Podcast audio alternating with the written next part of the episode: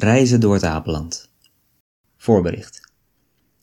Na een lang stilzitten kom ik nog eenmaal ten voorschijn, met een satire, die vermaken en onderwijzen kan, zo men nog vermaakt en onderwezen wil zijn. Is men nimmer te oud, te groot, nog te wijs om te leren, dan kan dit stukje zijn bedoeling treffen. Dan zullen de redelijke wezens van hun natuurgenoten die ze voor onredelijk houden, gewaarschuwd, onderrecht en verstandig gemaakt kunnen worden. J.A. Schas, M.D. 1788 Hoofdstuk 1 Door lang delibereren alles verloren. Hoe het bijkwam weet ik volstrekt niet, maar wiskunstig zeker is het dat mijn wijf, mijn dienstmaagd, mijn paard en mijn hond bijna op één en hetzelfde ogenblik teffens in het water vielen. Het geval wilde dat ze alle vier in dergelijk een richting kwamen te leggen, dat ik er slechts één van behouden kon, dat de drie overige noodwendig verdrinken moesten, en dat de keuze wie van hen vieren te redden geheel aan mij was overgelaten. Zodra ik aan den waterkant kwam, waar mijn vier dierbaarste panden met een dood der versmoring lagen te worstelen, schreide mijn vrouw om hulp. Mijn dienstmaag stak haar lieve poezele armpjes omhoog, mijn paard beurde briesende de schone kop naar mij toe, en mijn hond plaste uit al zijn macht met zijn pootjes, erbarmelijk mij aanziende. Ik stak meer dan honderd malen mijn armen uit, nu naar deze, dan naar dien kant, zonder echter bepaaldelijk toe te grijpen, want de vreedste boezemstrijd verhief zich in mijn binnenste.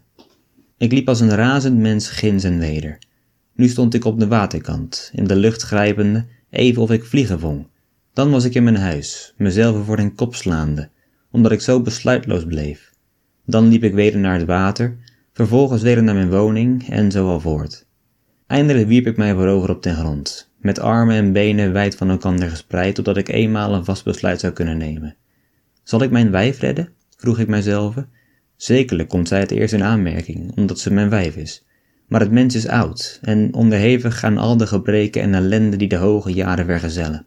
Zal ik haar, die nu reeds het hoofd door de deur van den hemel naar binnen steekt, wederom, met gevaar van haar armen en benen uit het lid te trekken, in de onzalige wereld terugslepen? Zal ik haar nog een eindje levens bezorgen dat al knorrende en kuchende doorgebracht zal worden, daar zij binnen een paar minuten met de engeltjes uit een ruime borst kan opzingen? Welk een barbaar zou ik dan wezen? Nee, voor haar geluk wil ik gaarne mij de opoffering van de kosten harer begrafenis getroosten. Zij is mijn wijf, het is waar, maar juist omdat zij het is, moet ik edelmoedig handelen.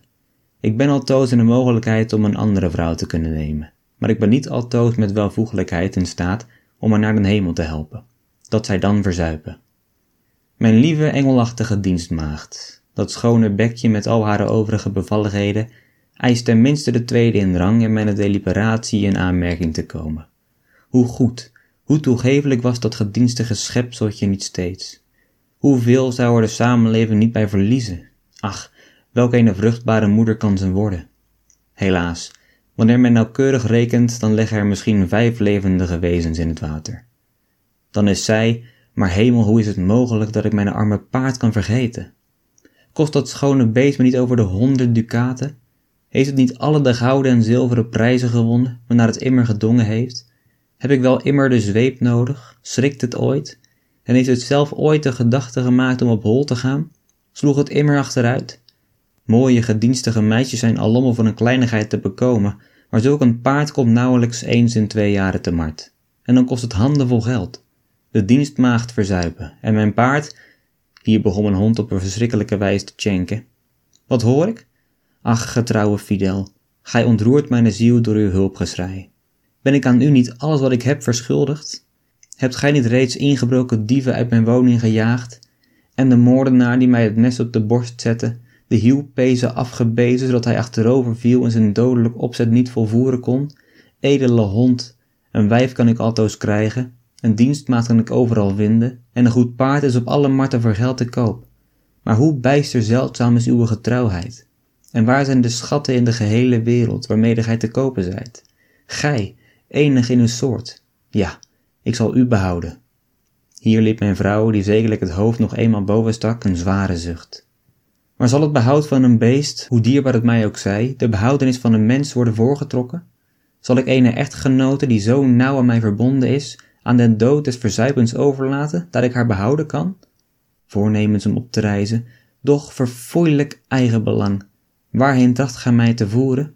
mij wederom neerleggende, zal ik dan mijn lieve vrouw uit een hemel houden, daar de gelegenheid zo schoon is om er haar in te krijgen? Maar mijn zoete aardige dienstmeid, zou ik die? Maar mijn duur gekocht paard, zou ik dat? Maar mijn hond, dat getrouwe dier, zou ik... enzovoorts. Dus twisterde ik, meer dan een uur met mezelf zonder te besluiten. Eindelijk stond ik op, liep naar de waterkant met voornemen om den eerste die mij een poot of een hand, een kop of een hoofd toestak te helpen. Aan het water komende zag ik tot mijn verbazing dat mijn wijf, het paard, de meid en de hond, alle vier bij gebrek aan spoedige hulp, verdronken waren. Hoofdstuk 2 De verhaaste vlucht Ik stond met open mond de vier lijken aan te gapen. Een menigte mensen vergaderden zich om mij heen. Velen hadden medelijden met mijn geval, maar anderen waren boos genoeg om te verspreiden dat ik hen alle vier met eigen handen in het water gesmeten had. Mijn vrouw omdat ik haar moeder was en zij mij te veel in de kaart keek, mijn meid omdat ze zwanger bij mij was, mijn paard om daardoor uitstel van betaling te erlangen en mijn hond om quasi van het geval een ongeluk te maken. Deze vervloekte boosaardige redenering werd schielijk zeer algemeen voor waarheid aangenomen. Hoe is het mogelijk, riep men, dat vier zulke zo zeer onderscheiden wezens op een ogenblik teffens in het water zouden vallen, dat er maar één van te redden zou zijn geweest en dat men een uur lang delibreert wie men eruit zal halen, wanneer men waarlijk gezind is om er één van te behouden. Ik riep al de heiligen tot getuigen van mijn onschuld en betoogde dat mijn delibereren, welke vreedheid men daar dan ook van maken wilde, loutere menslievendheid geweest waren, terwijl ik daardoor beoogde om het waardigste voor van alle te redden. Wat zoudt gij wel gezegd hebben, voerde ik deze schreeuwers tegemoet, wanneer ik den hond uit het water gehaald en mijn lieve vrouw laten verdrinken had? Welk een afgrijzelijk monster zoudt gij dan van mij gemaakt hebben? Dan, wanneer men een haat op iemand heeft en hem met geweld en voet poogt dwars te zetten, dan doet de beste redenering en het schoonste bewijs niets af.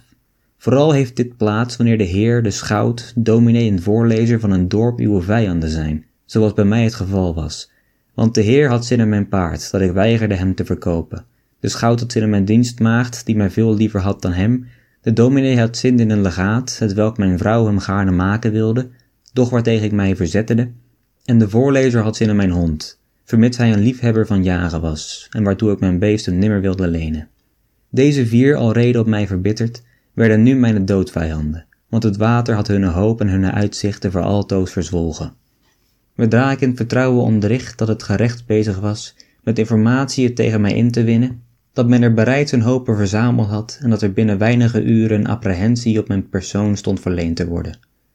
In een plaats dacht ik waar men de handtastelijke onschuld onderwijze durft aanvallen, ben ik niet veilig. Ik nam derhalve het welberedeneerd besluit om me liever in de open lucht dan onder het dak van zulk een vierschaar te verdedigen. Ik had geen tijd om beschikking op mijn zaken te kunnen stellen want mijn rok pas half aangetrokken hebbende, stonden schout en dienders reeds voor mijn deur. Ik wipte over een heining en teeg door sloten en moerassen op de vlucht.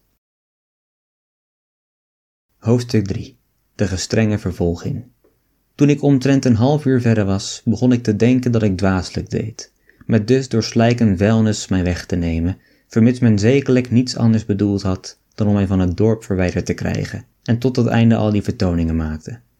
Ik ging derhalve op mijn gemak ten gewone weg, mijn noodlot betreurende.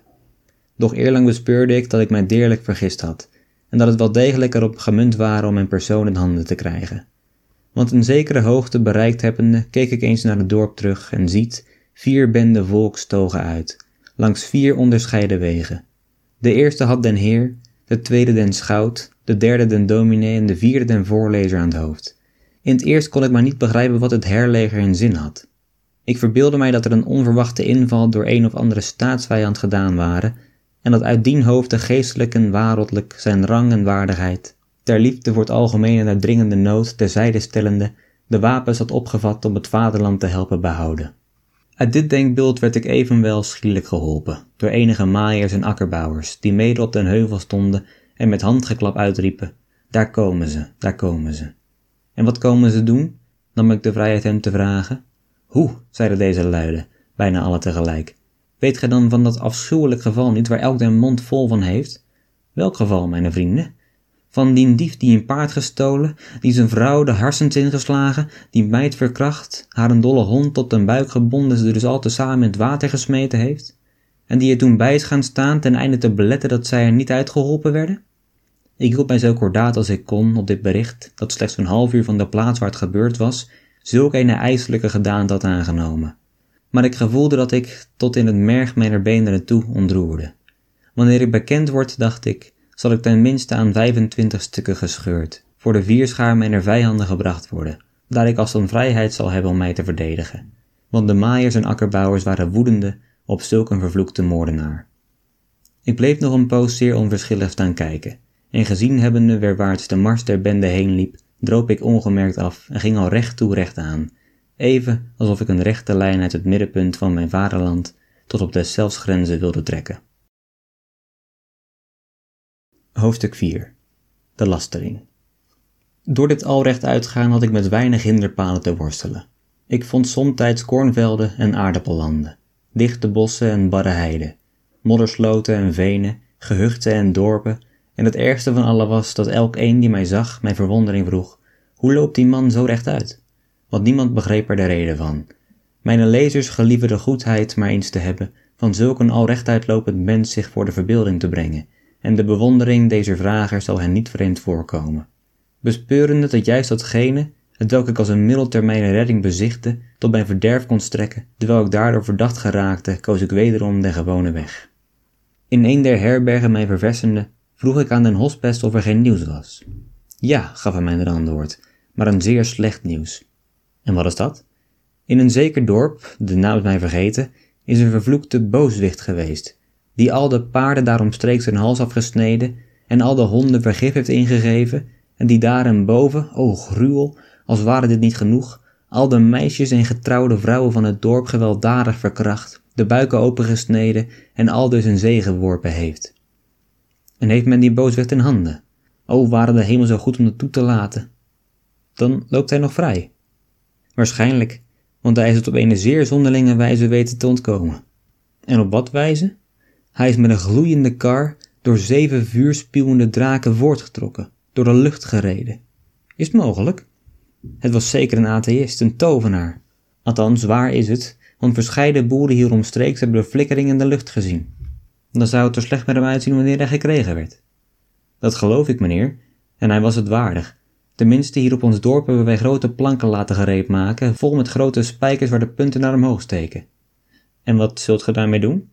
We zullen er hem, als hij uit de lucht hier mocht willen neerzakken, opvangen en flux met een andere plank eroverheen schuren, zodat hij even als de wol gekaard zal worden. Maar weet gij met zekerheid dat hetgeen men hem te lasten legt de waarheid zij? De waarheid? De waarheid? Neemt gij het voor een verdoemling op? In het geheel niet, mijn vriend. Ik vraag alleen maar of gij zeker weet dat die historie waar is, want dan wil ik hem ook wel helpen raspen. Onze dominee zegt het. Hij zal er vanavond over preken. Oh, dan is het zeker waar. Ik vroeg meteen naar mijn gelach, betaalde een hospes en gaf hem de hand en vertrok. Hoe is het mogelijk, dacht ik, dat aan de onschuldigste zaak zulke helse gedaanten kunnen gegeven worden? Dit is het werk van de boze. Men heeft besloten zich te wreken en mij in de grond te bederven. Ik richtte mijn gang naar de grenzen en stapte zonder eens om te zien mijn vaderland uit. Hoofdstuk 5 De omzwerving Hebt u wel geld bij u? Dit was de eerste vraag die mij in een vreemd land gedaan werd. En waarom vraagt gij dat? vroeg ik. Omdat gij, aanspraak op onze gastvrijheid en menslievenheid makende, een goede beurs zult nodig hebben om er de uitwerksels van te genieten. Hoe zal een ongelukkige vluchteling tenminste twee malen zoveel betalen als iemand die hier op zijn gemak een bezoek bij ons aflegt? En de reden is eenvoudig deze: voor eerst omdat gij niet anders kunt, ten tweede omdat gij evenals een bosje zwavelstok uit de lucht komt vallen, dat men zonder vertoeven voor de regen moet bergen, en ten derde omdat we broeders zijn. Is hier geen weg die naar een ander land loopt? Ja, die daar ginder is, loopt naar het apenland. Ik vertoefde er niet op, maar sloeg ten weg in. Misschien, dacht ik, zal de apenlieveheid goedkoper wezen. Hoofdstuk 6 Het apenland Deze weg was verbazend lang. Ik stelde me voor de wereld uit te wandelen, en, inderdaad, wanneer deze weg waterpas rechtuit gelopen had en niet gebogen waren geweest naar de rondheid van de aardkloot, ik zou gewisselijk op een der dichtstbijgelegen sterren zijn aangeland. Van deze reis kan ik weinig anders zeggen dan dat ze uitermate verdrietig en vervelende was. In het begin ontmoette mij niets, doch op het laatst kwam mij nu en dan een baviaan tegenlopen, omtrent met dezelfde haast als een soldaat die uit een leger deserteert. De weg begon eindelijk hoe langer hoe onregelmatiger en woester te worden, totdat hij geheel ongebaand werd en ik mij in een onguur groot woud bevond. Tevergeefs zocht ik hier naar huizen of hutten. Er was niets ter veraangenaming of verversing van een vermoeid reiziger. Het enige dat ik er vond waren ongemeen lekkere vruchten van allerlei soort, en uitstekend helder en goed water. Van beide maakte ik gebruik en zette mij aan den boord van een ruisend beekje neder. Toen ik enige tijd gezeten had, hoorde ik boven mijn hoofd een stem, bijna als die van een mens, of liever eveneens als die van een welklappende papegaai. Hij is het, hij is het, werd er geroepen. Wie is het? vroeg ik. Nummer 7854, was het antwoord. Dat ben ik althans niet, dacht ik. Ik was echter ten uiterste begeerig te mogen weten wie het was die deze uitroep boven mijn hoofd gedaan had. De boom, onder welke ik mij had nedergezet, was ongemeen hoog. In de zelfstop zag ik een aapje zitten, dat zeer opmerkzaam het oog op mij hield. Behalve dit aapje zag ik niemand, en het was wiskunstig zeker dat de stem nergens anders dan aan deze boom kon gekomen zijn. Wie, vroeg ik, heeft daar van nummer 7854 gesproken? Ik, ik, mijn allerliefste 7854je, riep het aapje me toe en was in een ogenblik beneden bij mij. Ik moet bekennen dat al mijn zenuwen en pezen trilden en beefden. Een sprekend aapje. Hoe is zulks mogelijk, zei ik. Zeer mogelijk, mijn allerbest 7854je. Nu gij een mens geworden zijt, schijnt gij al uw geheugen te hebben afgelegd. Maar kom, volg mij, het zal u weer te binnen schieten. Het aapje gaf mij een poot en begeerde dat ik even als zij die verbazende hoge boom zou opklimmen. Dat is mij onmogelijk, zei ik. Ik klim nooit. Het aapje keek me met verwondering aan. En ik het aapje. Weet gij wel wie ik ben? vroeg het. Oh, nee, antwoordde ik zeer gulhartig. Ik ben uw liefste, hervatte zij, en vloog mij meteen om den hals, mij allerlei liefkozingen bewijzende en mij telkens 7854 je noemende. Dit alles waren raadsels voor mij. Ik maakte allerhande gissingen om den ware toestand van zaken al hier te weten. Misschien, dacht ik, is het gevoelen dier oude wijsgieren de waarheid, dat namelijk de zielen der mensen na den dood in andere lichamen, zelf in die der beesten overgaan of verhuizen. Dus kan de ziel mijner verdronken dienstmaagd wel in het aardje vertrokken wezen. Deze gedachte streelde mij, want ik hield veel van het meisje. Maar, dacht ik verder, wanneer mijn lieve dienstmaagd hier is, dan is het zeer mogelijk dat ik er mevrouw ook zal vinden. En wee, wee, mijnerdam. Waar is mijn vrouw? vroeg ik met overijling. Uw vrouw, antwoordde het aapje met enige gemelijkheid. Immers heb ik ten voorrang. Die zult gij ook altoos hebben. Ik vraag slechts waar mijn vrouw is. Die is op de 88ste boom hier vandaan. En hoe heeft zij het? Oud, ongemakkelijk en knorrig, mijn lieve 7854je, zoals het altoos met haar was. En leeft zij daar zo alleen? Ze zit veelal in een groot gat aan het worteleinde van de boom, waar deze en gene haar enige gekraakte okkernoten toesmijt, want ze kan ze zelf niet meer kraken. Dat weet ik, maar in hemelsnaam, zeg mij toch, is ze ook een aap? Zo lelijk als er ooit een aap geweest is. Dit nieuws was mij gans niet aangenaam. Goede hemel, zuchtte ik bij mezelf, had ik mij maar liever gevangen laten nemen. Hoofdstuk 7 De verheffing zonder verdiensten. In weerwil der tederste liefkozingen van mijn ex-dienstmaagd bleef ik zo koud als ijs. Een duchtig bewijs dat ik nimmer de ziel, maar wel het lichaam van mijn diensteling bemind had. Ik geliet mij wegens mijn verre reis als ten uiterste vermoeid te zijn en rust te behoeven. Mijn aapje geleidde mij daarop naar een grote holle boom, met allerlei pluimen en dons gevuld, waarin ik mij ter rust begaf. Ik had verscheiden uren werk eer ik in slaap geraakte. De verhuizing van mijn vrouw Ziel maalde mij onophoudelijk door het hoofd. Ik herinnerde mij al de rechten en wetten die over het stuk van het huwelijk handelden, om enig licht te mogen erlangen, of ik ook de plicht waren die oude knorrige A voor mijn echtgenote te erkennen. In alle gevallen, dacht ik, heb ik ziel en lichaam getrouwd, en het voornaamste deel waarin het punt gevonden wordt, waarom men trouwt, het lichaam namelijk, is er niet. Maar, dacht ik weder aan de andere kant, elk land, elke staat heeft zijn eigen bijzondere coutume, privilegieën en prerogatieven. Wie weet of men hier het voornaamste deel niet als het geheel aanmerkt en dat men derhalve de ziel van mijn wijf zal doen doorgaan als mijn gehele wijf. Eindelijk viel ik in slaap, uit hoofde mijn grote vermoeidheid, en naar gissing moest ik ten minste twaalf uren geslapen hebben, zonder in die tussentijd eens wakker te worden. Toen ik wakker werd, waren er tenminste meer dan tienduizend bavianen en apen om me heen vergaderd, die me alle tegelijk zodra ik mijn ogen in de ronde sloeg, als uit ene mond toeriepen, welkom, welkom 7854. Deze geduchte welkomstgroet werd dadelijk achtervolgd door het toesteken der poten, die ik, wel evenheidshalve, niet kon nalaten met een vriendelijke handtasting te beantwoorden. Ten einde van deze complimenten kwam er een deftige baviaan naar mij toe, die zijn reverentie gemaakt hebbende mij aldus aansprak. Gij nummer 7854, die het bijzonder voorrecht genoten hebt om door de goden van een baviaan in een mens hervormd te worden, en die zekerlijk met het baviaanlievend oogmerk om uw mede-apen insgelijkse mensen te herscheppen zijt wedergekeerd. Gij zijt ons alle hartelijk welkom. Uit naam der ganselijke apenmaatschappij ben ik gelastigd geworden om u, die tot dusver nummer 7854 geweest zijt, het nommerschap van 17 aan te bieden en op te dragen. Niet twijfelende of gij, die thans uw eigene waardij gevoelt, zult ook gevoel hebben van de hulde die het ganse apengeslacht bij deze gelegenheid aan u aflegt. Deze aanspraak verbijsterde mij geheel en al. Ik verstond er de zin niet van, en daar ik duidelijk bespeurde dat men mij hooglijk vereerde, dat men mij een hoge waardigheid opdroeg en een zekere dankbaarheid van mij verwachtede, begreep ik teffens dat ik in dit geval mij deerlijk misgrijpen kon, wanneer ik geen meerdere inlichting in de zaak had. In het dorp van waar ik kwam had de ondervinding mij meer dan eens doen zien dat personen die door deze of gene vereerd werden en die niet wisten op wat gronden die verering geschiedde, terwijl ze geen verdiensten bezaten, doorgaans belachelijk werden, tenminste waardig waren om het te worden.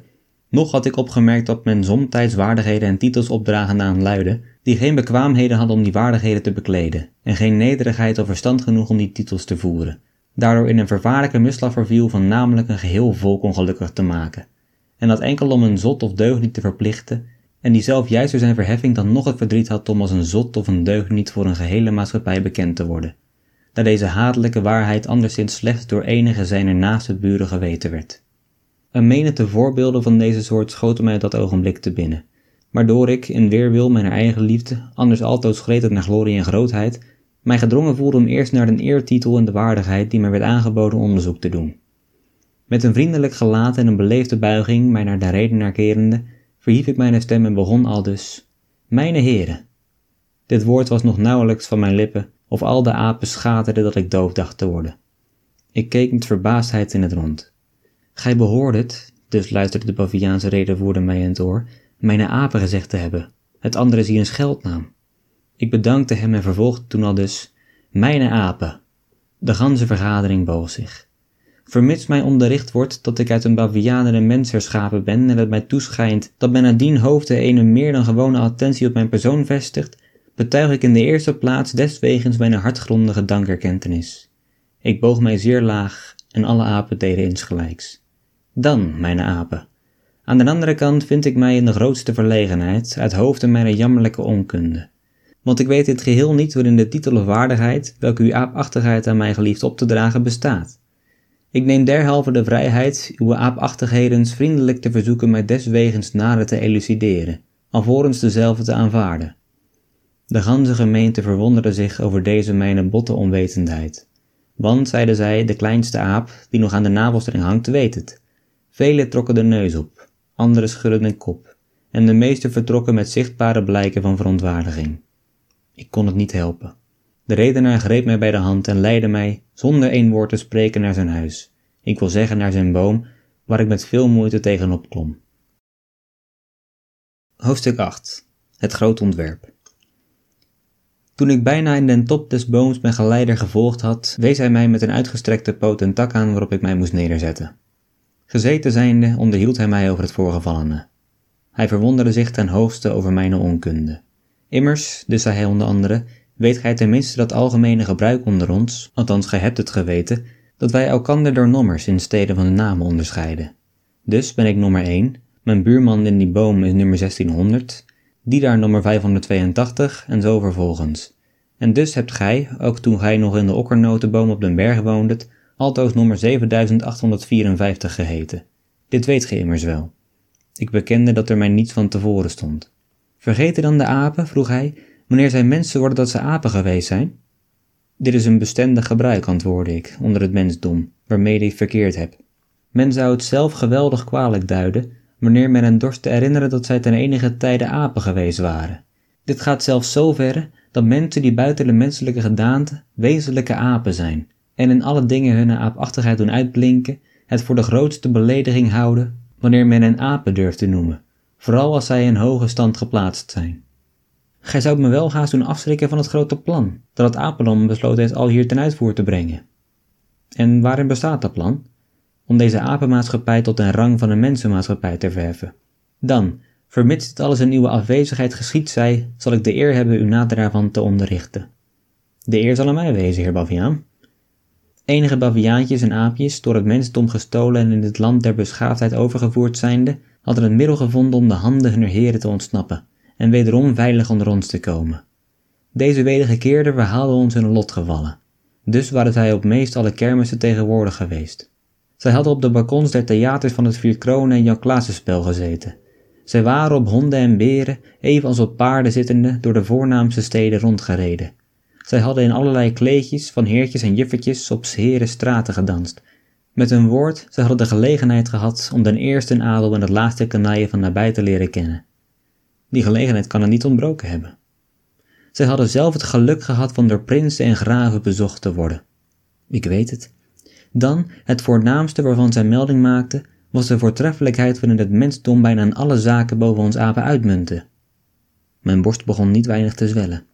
Zij gaven ons een kleine schets van voortreffelijkheid der constitutie, regeringsvorm, godsdienst, zeden, gewoonten, plechtigheden enzovoort, die onder het mensdom stand grepen, en lieten van terzijde niet onduidelijk blijken dat ook dit alles onder ons apen kon ingevoerd worden. En waarom niet? Want, wel beschouwd zijnde, dan zijn wij immers ook mensen. Ik verwonderde mij. Gij verwondert u, nummer 17. Ik hoop immers niet dat de menswording medebracht om met verachting op zijne natuurgenoten neder te zien. Nee, nee, maar het is er wel in zijn gevolg van. Doch, verschoon mijn zwak geheugen. Zijn de apen ook mensen? Hebt gij dan nooit die volkspreuk gehoord, dat de apen wel spreken kunnen, maar niet willen? Oh, zeer dikwijls. En hebben uw catechismus u niet geleerd dat alle dingen even als een ketting aan elkander hangen? Dat men dus van een zandkorrel af tot een engel toe een bijna onmerkbare trapswijze opklimming vindt? Men heeft het duizendmalen geschreven.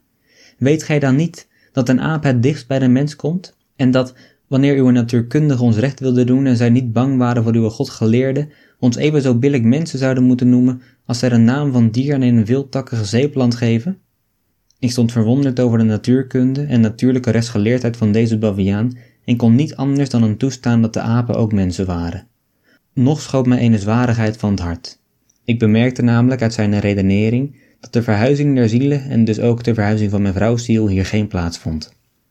Wie belet ons derhalve om uit die woeste en onbeschofte staat waarin wij gedompeld liggen, den kop op te beuren en mensen te worden? Dat wil zeggen, om in die grote ketting enige schakeltjes hoger te klimmen? Niets. Zijn niet vele bavianen en apen die hier in geen tel waren, of die uit hoofden van hun wangedrag, botheid of met een losse kop van hier waren weggelopen onder de mensen gekomen? Zijn ze al daar niet als mensen ontvangen en erkend, en zijn vele hunner niet tot aanzienlijke posten opgesteigerd? En is het dan niet algemeen bekend dat deze deserteurs met weinig moeite een fortuin gemaakt hebben? Velen hadden niet anders te doen dan hun staarten in hun broeken te verbergen. Welk een voortreffelijke mensenkunde, dacht ik. Wij hebben derhalve, na het ganse apendom daarover gehoord te hebben, goed gevonden een plan te ontwerpen, strekkende om ons tot een rang van mensen te verheffen en ons daarvoor te doen erkennen. Ik bekende dat hij gelijk had met zulk een plan ter uitvoer te brengen, en ik twijfelde ook niet aan de mogelijkheid om het stand te doen grijpen, want ik maakte deze regelmatige gevolgtrekking. Een menigte apen hebben zonder moeite, zonder het zelfs te weten, zich tot een rang van mensen verheven. Dus is de zaak mogelijk. Maar hoeveel mogelijker wordt zij niet wanneer apen moeite willen aanwenden om mensen te worden en wanneer die apen reeds verstand betonen te bezitten? Alleen blijft de vraag: zal het mensdom de apen voor mensen erkennen? Welk een geduchte omwenteling zal het niet in een menigte stelsels van allerlei soorten van geleerden veroorzaken? En zal men daarom niet algemeen besluiten om bij de oude grondregelen te blijven? Hoofdstuk 9 De vergaderingen Nummer 1 verzocht mij vervolgens hem te willen vergezellen, vermits er een grote vergadering stond gehouden te worden, waarop ik recht had te verschijnen als op nummer 17 geëligeerd zijnde. Hij bracht mij in een groot en zeer dicht bos, waar wij niet langs den grond, maar over en door de bomen heen moesten inklimmen, dat mij een verschrikkelijke moeite en ontzaglijk veel zweet kostte.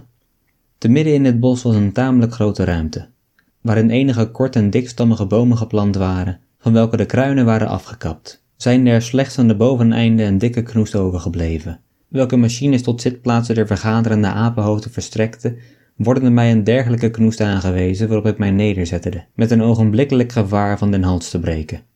De vergadering voltallig zijnde opende de president, zijnde dit thans nummer drie, die op de grootste knoest zat, dezelfde met deze aanspraak.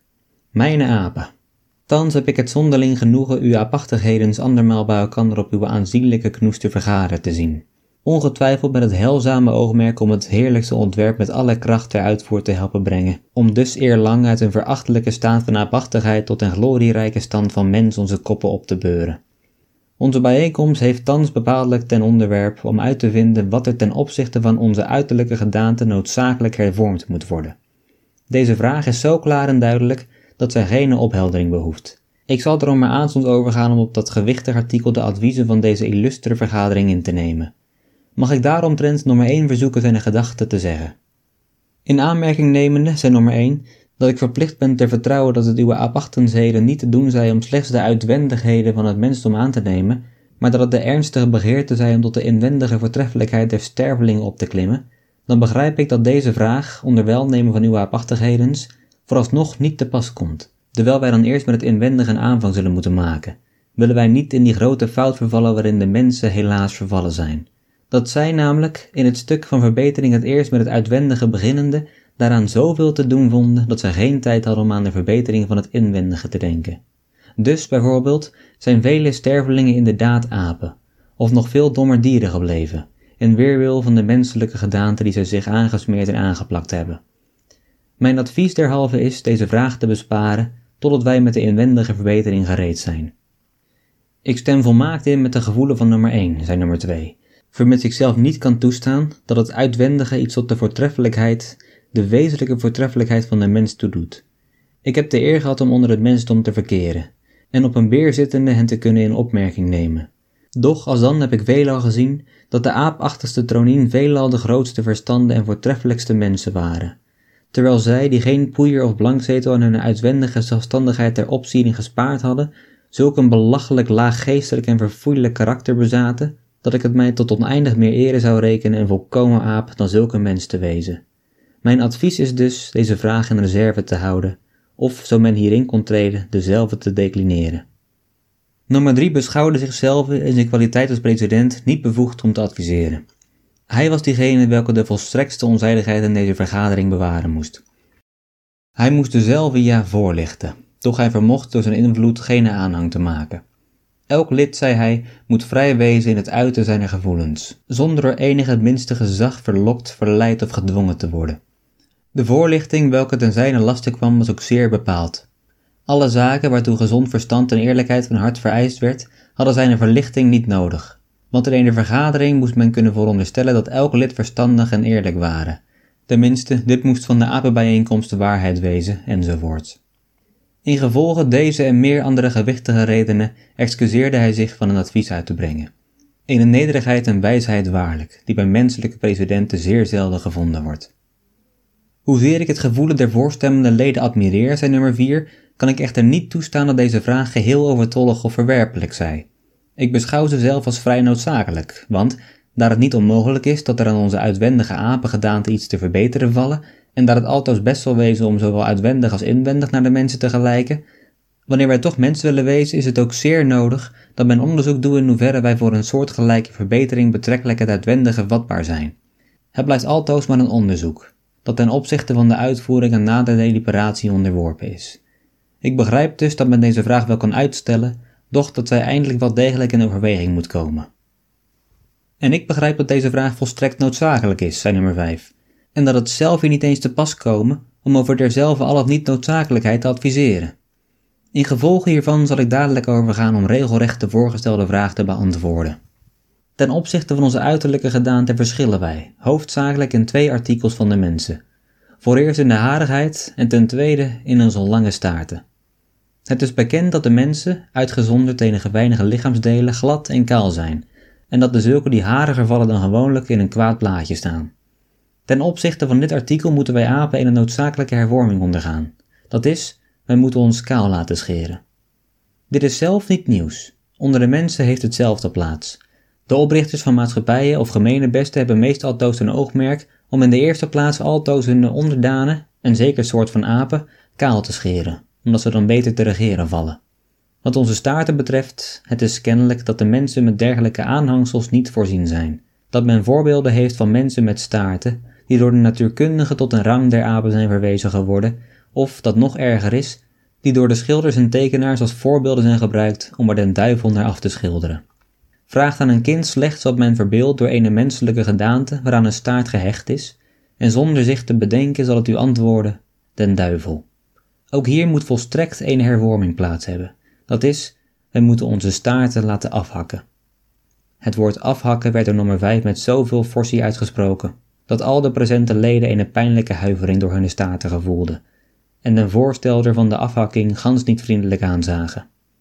Nummer 6 vatte daarop het woord en betoogde met zeer veel kracht en klem, want hij had een grote staart, dat soortgelijke voorstellen nergens anders toe dienden dan om verwijdering, verbittering en verdeeldheid te veroorzaken. Immers, zei hij, begrijpt men vanzelf dat men nooit het apendom tot afhakking zijner staart zal overhalen. Het mensendom zelf, hoe wenselijk in de volkomenheid het ook bereikt hebben, zou immers nooit te bewegen zijn om zijn staart te verliezen, al kost het daardoor tot een rang der engelen opklimmen. Ik gevoelde de kracht van dit bewijs. Nummer 5 voer wel met hevigheid hier tegenuit, zeggende dat hij anders niet begrijpen kon waarom men deze vergadering belegd had, en voorbeelden aanvoerende van zeer voorname volkbeschavers en maatschappijstichters, die altoos bezig waren met het afkappen van enige ledematen, die, zo zij dachten, het fatsoen van den staat bedierven. Doch terwijl alle de leden staarten en wel zeer gevoelige staarten hadden, konden zij niet tot zijn sentimenten overgehaald worden. Deze twist begon vrij hoog te lopen. De president kon de orde niet meer bewaren. Elken sprak zonder zijn beurt af te wachten, en vermits ze alle gelijk spraken, was het zo goed alsof er in het geheel niet gesproken werd, want de meesten verstonden op het laatst zichzelf niet meer. Eindelijk klopte de president zo geweldig hard met zijn hamer dat er noodwendig stilte kwam, anders waren ze alle doop geworden. Toen rees nummer 7 bedaarlijk op. De gevoelens lopen te ver uiteen om ze in het driftige tijdstip naar wens te verenigen. Ik doe derhalve het voorstel om deze vergadering op reces te scheiden en geef als een conciliatoire voor de deliberatie der volgende vergadering op of men niet zou kunnen goedvinden om aan alle apen zonder onderscheid de staarten af te kappen, behalve aan ons. Dit voorstel geaccepteerd zijnde, scheidde de vergadering op reces. Hoofdstuk 10 Het reces Toen de vergadering weder bijeengekomen was, bracht de president de zaak ter bestaan waarover men behandelen zou met een bijgevoegd zeer ernstig verzoek dat men toch elkander met bedaardheid verstaan en met reden overtuigen zou. Nummer 1 merkte aan dat het conciliatoire, om namelijk alle de apen behalve de leden der vergadering de staarten af te kappen, wel een conciliatoire genaamd kon worden ten opzichte der verschilhebbende partijen, maar geen zins met betrekking tot de zaak als zaak, want deze bleef er even vreed, even onapelijk door. Ja, dat meer was, men bracht juist door dit conciliatoire de erkende wreedheid te meer aan den dag, omdat men zichzelf van de afkapping uitsloot. Nummer 5 verdedigde zich hierop met te zeggen dat wat hem betrof hij zeer wel in het conciliatoire kon toestemmen om de rust der vergadering te behouden, maar dat hij anders zijn staart voor het algemene welzijn zeer gaarne ten beste gaf. Nummer 7, die het conciliatoire had voorgeslagen, nam toen het woord.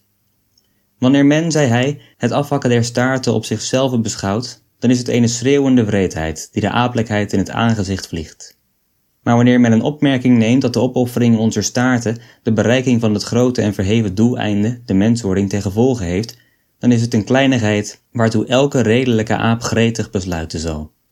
Indien men nu echter zulk een heilzaam werk zag achterblijven, enkel en alleen omdat twee of drie personen zo vast aan staarten verkleefd zijn dat zij liever de apen apen willen laten blijven dan afstand doen van deze hun slingerende achtereinde, is dan de beste weg niet deze dat men deze weinigen hun staarten laat behouden? En uit dit licht beschouwd zijnde, is dan de voorstelling van het conciliatoire niet ten volle gerechtvaardigd? Maar welke misselijke vertoning zal het maken, zei nummer 2, wij gestaarte apenhoofden bij onze staartloze committenten? Is het niet billig dat een opperbewindsaap iets meer hebben dan een burgerlijke aap, antwoordde nummer 7. Zekerlijk, zei nummer 2, maar moet die meerderheid juist in een lange staart bestaan? Omdat er een staart is, nemen wij de staart, antwoordde nummer 7. Was er een ander lid, wij zouden het er ook voor nemen. Nummer 1 brak in. Immer zegt het gezond oordeel dat de meerderheid en wijsheid, eerlijkheid en deugd bestaan moet. Oh, zei nummer 5, Dat is volgens de staatkunde van de wijsgeren. Maar moeten wij de mensen niet ten voorbeeld nemen? Gewis, zei nummer 7. Wel nu, zei nummer 5. Dan is een staart meerderheid genoeg. Is de mening niet, zei nummer 1, om de voortreffelijke mens gelijkvormig te worden? En zullen wij hierdoor niet de gebreken der stervelingen overnemen met terzijdestelling van hun deugden? Wilt gij dan van de apen maken hetgeen de mensen nooit worden kunnen? vroeg nummer 5. Hierop antwoordde nummer 1: Wanneer wij met verlies van onze staarten evenwel apen moeten blijven, wat reden is er dan om de af te laten hakken? Want waarlijk, alle die de meerderheid in hun staat zoeken, zijn niet anders dan apen, of nog minder. En gelust ons den apen staat, dan is de staart volstrekt onontbeerlijk. Want wat is een aap zonder staart? En waant gij dan, zei nummer 7, dat de verstandigste mensen, wanneer zij een algemene afkapping van staarten noodzakelijk keurden, zij geen meerderheid in het behouden hun eigen staarten zouden zoeken, wanneer zij die met zoveel welvoegelijkheid behouden konden? En evenwel, het zijn de verstandigste. Maar geen zins de eerlijkste, zei nummer 1. Een echt bewinstman moet door de begaafdheden en deugden zijner ziel den rang die hij bekleedt verdienen, versieren en doen gelden. Dit is de instelling der natuur en der goden, en overal waar de staarten, dat wil zeggen de klederen de man maken, moeten wij ons zorgvuldig wachten om er een voorbeeld aan te nemen. Dit verschilstuk werd vervolgens zeer breedvoerig behandeld. De meeste leden die het afkappen der staarten als vreedheid beschouwden, wanneer er hun einde onder begrepen waren, noemden het een edelmoedige opoffering voor het algemene welzijn, toen zij vernamen dat hun hoge waardigheden vorderden dat zij hun staarten behielden. Zelf begonnen zij er sterk op aan te dringen dat het voorgestelde conciliatoire werd aangenomen. Zij vonden nu ene menigte drangredenen uit die de spoedige afhakking ten uiterste noodzakelijk maakten. Vermits ik dergelijke zaken zeer menigvuldig gezien had, verwonderde ik mij er in het geheel niet over. Men delibereerde nu wel bedaardelijk, doch echter niet minder ernstig. De aablievenheid en grootsheid waren hierin het worstelperk. De ene partij beweerde dat men een voortreffelijk mens kan wezen, in weerwil van alle uiterlijkheden, en dat men om ene ingebeelde glorie geen gans geslacht behoorde te bederven. Want, duwde deze aaplievende partij de andere toe, omdat gij iets meer zoudt hebben dan uw medeapen, daarom alleen wilt gij hen de staarten doen verliezen. Had gij verdiensten, gij zoudt het pleit voor de staarten opvatten en u evenwel doen uitmunten. De andere partij hield staande dat men om mens te wezen noodwendig de uiterlijke gedaante moest bezitten, omdat al het inwendige schoon van verstand, eerlijkheid, deugd enzovoorts in het geheel niet meer in de smaak viel. Dat het plan was om de apen tot mensen te maken, dat wil zeggen tot mensen zoals zij wezenlijk bestonden en niet zoals de pluizende wijsgeerte die afschetste. Dat de mensen geen staarten hadden, dat de staarten een hoofdonderscheiding uitmaakten en dat dus de staarten afgehakt moesten worden. Dat zij uit toegevendheid en niet uit glorie het conciliatoire wilden aannemen, want de staart was volgens hun eigen stelling veel meer een bewijs van minderheid dan van meerderheid. Het woord meerderheid hadden zij weliswaar ten opzichte van de behouding der staart gebezigd, doch het was blotelijk in de zin van onderscheiding op te vatten, enzovoorts. Dan, men kon het op verre na niet eens worden. Het gevolg was dat de vergadering andermaal op reces scheidde, en dat er twee kabalen ontstonden, waarvan de ene zich nummer Enianen en de andere zich nummer Vijvianen noemde. Ik stond verbaasd dat men hier ook het gebruik der uitgang op Iane kende. Zekerlijk, dacht ik, zal men hier ook wel woorden bezigen die op iste en otte uitgaan. En wee ons er dan. Ik voor mij kon me zeer gevoeglijk buiten deze partijschap houden, vermits ik geen eigenlijke apenstaart had. Hoofdstuk 11 De apenstaart De partijschap bepaalde aanvankelijk zich alleen tot de apenhoofden, en terwijl nummer 1 komt wie de aablievenheid zelf was, had ik geen beduchtheid voor enige schromelijke gevolgen onder het overige apendom. Dit, dacht mij, was althans wiskunstig zeker te verwachten, dat de goede gemeente, wanneer zij al partij koos, nummer 1 zou toevallen, want deze was nu de sterke voorspraak hunner bedreigd wordende staarten geworden. Intussen waren de verschillende der grote apen ter oren van de kleine gekomen. In het eerst werd het geval wonderbaarlijk dooreen gehaspeld. Elk begreep het bijna op een andere wijs. Er waren er die het in een zinnebeeldige zin opvatteden. In navolging, zo ze zeiden, van het mensdom dat gewoon was, zaken die tegen het gezond verstand en de natuur inliepen, op een geestelijke wijs te verklaren, door welk middel er nooit iets van de grootste brabbeltaal verloren ging. Anderen begrepen het eigenlijk, doch verstonden door het woord staart alle langwerpige uitstek. Nog anderen waren er die het woord staart dubbelzinnig opvatteden en het zo uitleidden dat de afkapping zich alleenlijk tot het mannelijk geslacht bepaalde. De laatste uitleggers werden echter weldra zeer gevaarlijk voor de publieke rust. Want de apinnen, door vrees gedreven, staken de koppen bij elkander en beschouwden soortgelijke afkapping als de omkering van een grondwet van de staat. Zij ontzagen zich niet te zeggen dat er een verraad gesmeed werd, in het welk niets minder bedoelde dan de ganselijke uitdelging van het apendom, wanneer, zeiden zij, onze mannen en minnaars van hunne zinnebeeldige staarten beroofd werden, wat middel schiet ons dan over om den eis der natuur, de vermenigvuldiging van ons geslacht te voldoen? Indien men al iets nieuws wilde invoeren, dan behoorde men iets in te voeren dat algemeen nuttig waren, dat ten ganse staat tot voordeel en niemand tot nadeel verstrekte. Dus, bijvoorbeeld, riep een jong apinnetje, behoorde men liever in stede van de staart der mannen af te kappen hem er nog een aan te zetten. Deze eenvoudige wens baarde dadelijk opmerking. Het was de grondtaal van de harten aller jeugdige apinnen. En de bejaarden konden er niets tegen hebben, want zij beschouwden het als iets waarbij zij niets verloren en hun natuurgenootjes zeer veel wonnen. Men kwam weldra op de gedachte om te beproeven of er in deze niets te doen viel, en daar zij gehoord hadden dat nummer 1 zo sterk voor de staarten zich in de bressen gesteld had, committeerden zij enige uit hun midden om in het vertrouwen daarover te gaan raadplegen. Hoofdstuk 12 De Staatkundige Raad De Apinnencommissie sprak met de grootste openhartigheid wegens het aanzetten van nog een mannelijke staart, met nummer 1. Deze als een verstandige en deffe staatkundige aap overzag ineens welke voordelen hij met deze begeerte der apinnen behalen kon. Als natuurkundige lachte hij heimelijk hartelijk over de onnozelheid der voorstelsters. Hoeveel, dacht hij bij zichzelf, verzoeken zij niet. Zij begrijpen de aanzetting van een nieuwe staart evenals de aanhechting van een tak aan een boom. De goede schepseltjes bedenken niet dat zij evenveel belang bij twee zulke staarten hebben, gelijk de nummer vijf gezinden willen afhakken als bij een vijfde poot van de mannelijke sekse. Gelukkig dat onder de mensen geen natuurkundige lessen door vrouwen gegeven worden. Doch als staatsman beschouwde hij de zaak zeer ernstig. Het apendom, dacht hij, is nog verder beneden het mensdom. Het is in staat om met een dolle kop of door aanhitsing en omkoping zaken te beheren en met een geweldige hand daar te stellen waardoor het zichzelf in verderf stort. Het zou te vergeefs wezen hen te betogen dat de staat een wezenlijk prerogatief van den aap is, want men behoeft hem slechts een haat tegen dat woord in te boezemen en straks kappen ze alles af, al ware het zelfs een kop wat met die naam bestempeld wordt. Laten wij derhalve een tegenwicht gebruiken, en diegene welke de afkapping der staarten begeren, in bedwang houden door die welke gaarne nog een tweede staart zouden willen aangezet hebben. Mijn lieve apinnetjes, zei hij na alle deze bedaarde en rechtzinnige overwegingen, gij hebt volmaakt gelijk. Men moet altoos trachten om goede dingen te vermenigvuldigen. Men moet de soorten bewaren en zij handelen voorzichtig die wanneer het wezen kan zich twee hoognodige dingen aanschaffen, welke zij zowel niet beide gelijk tenminste na elkander en bij gebrek een van de twee gebruiken kunnen. De apinnen lachte zeer vriendelijk. Ik wenste dat de ganse apenmaatschappij er dus over dacht, dan helaas. We weten het, vielen de apinnetjes hem in de rede.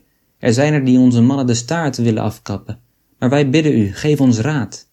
Zeer gaarne, zei de loze aap, maar vooraf moet gij mij beloven, direct noch indirect, te zullen laten blijken dat het mijn raad zij. Dit beloofde zij hem. Vermits, dus vervolgde hij, alle goede zaken begeerd en bevorderd mogen worden, mits dat men dezelve op een goede wijze en langs de rechte weg begeren en bevorderen, kunt gij niet beter doen dan u bij de quest vervoegen bij diegenen welke het bestuur in handen hebben, waarbij gij om de aanplakking van nog een nieuwe staart moet verzoeken. Deze raad geviel de apinnecommissie zo wel dat zij den oude aap om den hals vielen en hem zoveel staarten toewenste als er apinnetjes waren waar hij zin in had. Hoofdstuk 13 Vuilaardige opstoking Er was een ongemene vreugd onder al de aapwijfjes en aapmeisjes, toen ze hoorden dat nummer 1 zozeer ten hare voordelen was, dat hij haar den weg van de request had aangeraden van welk zij een goede uitslag verwachteden. Vele hunner waren zo vast verzekerd van een gunstig besluit, alsof zij de twee staarten al reden in hare poten hadden. Het is niet alleen ten behoeve van ons, zeiden ze, maar de mannen kunnen er ook gebruik van maken. Nummer 5 kwam weldra deze beweging onder het vrouwelijk geslacht ter oren. Het verbaasde hem in den eerste opslag. De jonge aapvrouwen en aapmeisjes tegen te hebben, dacht hij, is alles tegen te hebben. En de staart is een artikel waarvoor ze eer haar lever op zou offeren dan hem te laten glippen. Dat ziet er slecht uit. Het is waar, dus ging hij zijn gedachten voort, zij verzinnen zich in de zaak en nemen dan een staart voor den andere. Maar wat zal het helpen haar die mistlag onder het oog te brengen? Om zichzelf de schaamte te besparen van zo bijster vurig zich op den zinnebeeldige staart te hebben uitgelaten, zullen zij zeggen en zweren dat zij hetzelfde uit was. Den eigenlijke staart, het welk wij bedoelen, insgelijks bedoeld hebben, En dan zijn wij er nog erger aan toe, want wie kent het aapvrouwvolk niet als het op zulk een zaak aankomt? Maar, bedacht hij zich naderhand, zou er niets op te vinden zijn? Ik geloof van ja. Welaan, we zullen het beproeven. Onderweg hoorde hij met verbazing door de menigte aapvrouwtjes en meisjes naschreeuwen: O aap zonder staart. Dit bracht hem tot bedenking. Hij keerde van zijn voornemen terug. Dat wil zeggen, hij veranderde niet van besluit, maar alleen in zoverre als hij het in eigen persoon meende te gaan uitvoeren. Hij vervoegde zich tot nummer 120.978, een ruwe, woeste, zedeloze aap, die voor geld zich tot alles gebruiken liet en die vooral geschikt was om goede zaken glad te bederven. Deze aap, wel onderricht zijnde, vervoegde zich bij de aapmeisjes die de meeste invloed op al de overigen hadden. Hij prees het gedrag van nummer 1 ten hoogste, doch keurde dat van nummer 5 ten sterkste af. Het waren nog geheel iets anders, zei hij, wanneer men de staten die ons alle eigen zijn en welke wij niet nodig hebben, wanneer wij mensen zullen wezen, wilde afkappen. Dan strekte het niet alleen tot een meerder sieraad of voortreffelijkheid, maar ook in gevallen men eens twee zinnebeeldige staarten wilde invoeren, dan had men dadelijk een plaats om er de tweede aan te voegen, want ik bid u, waar zou men die anders plaatsen? De aapmeisjes keken hem de woorden uit de mond. Het was of er een engel sprak. Ze gaven hem gelijk, juichten hem toe en verzochten vriendelijk haar verder met zijn wijze raad te willen dienen. Hetgeen ik zeg, vervolgde hij, is gegrond op de waarheid en de ondervinding, en ik zweer u bij alles wat u dierbaar is, dat wij om mens te zijn volstrekt onze achterste staart moeten laten afkappen. De apinnen wilde hem op zijn woord geloven, doch dit voldeed hem niet. Gij moet er door uw eigen ogen van overtuigd worden, zei hij. Zeer gaarne, riepen zij alle tegelijk. Ga dan heen, zei die vervloekte booswicht, naar het ex-nummer 7854, thans nummer 17, die mens geworden is, en visiteert hem. En zodra gij van die waarheid zult overtuigd wezen, kom dan weder, en ik zal u verder raad geven. Deze aanwijzing was niet te vergeefs gedaan. De apinnetjes snelden naar hare buurapinnen, nichtjes, zustertjes, en met een woord naar alles wat met een jeugdig hart belang bij een dubbele staart meende te hebben. Zij stelden hen alles breedvoerig voor en hadden weinig werk om haar gezamenlijk uit te lokken om mede tot de visitatie uit te gaan. Hoofdstuk 14 De visitatie Ik, thans nummer 17, die altoos als een stille in den lande geleefd had, die mij volmaakt buiten alles hield wat de aperij aanging, ik wist niets van dit ganse geval. Het was op een warme zomernademiddag, dat men maar eventjes een koeltje gewaar werd en dat men op de minste beweging van belang in het volle zweet geraakte, toen ik mij in het gras voorover op mijn buik nederlag en met een goede werking in een welverzadigde maag in een zachte sluimering verviel. In dit apenland waren geen huizen of hutten, dus diende het open veld mij tot allerlei gebruiken. Door een verschrikkelijk geschreeuw van hier is het manmens, hier is het manmens, werd ik wakker. Ik keek op en ziet, een onoverzienlijke zwerm van apinnen, meestal een goedje, was om en over mij heen geschaard. De bomen zaten opgepropt vol, zover ik kon zien, en de grond was niet anders dan een onmetelijk martveld, met apenkop in plaats van keistenen belegd. Vier of vijf apinnetjes kwamen met de uiterste vriendelijkheid naar me toe. Man mens, we zijn gelast om u een vriendelijk verzoek te doen. O, mijn engeltjes, verzoekt wat gij gelieft. Men vertelt ons dat de manmensen geen staarten hebben. Is dat waar? Ik keek hen aan en werd met de zaak verlegen. Geen staarten? Hoe?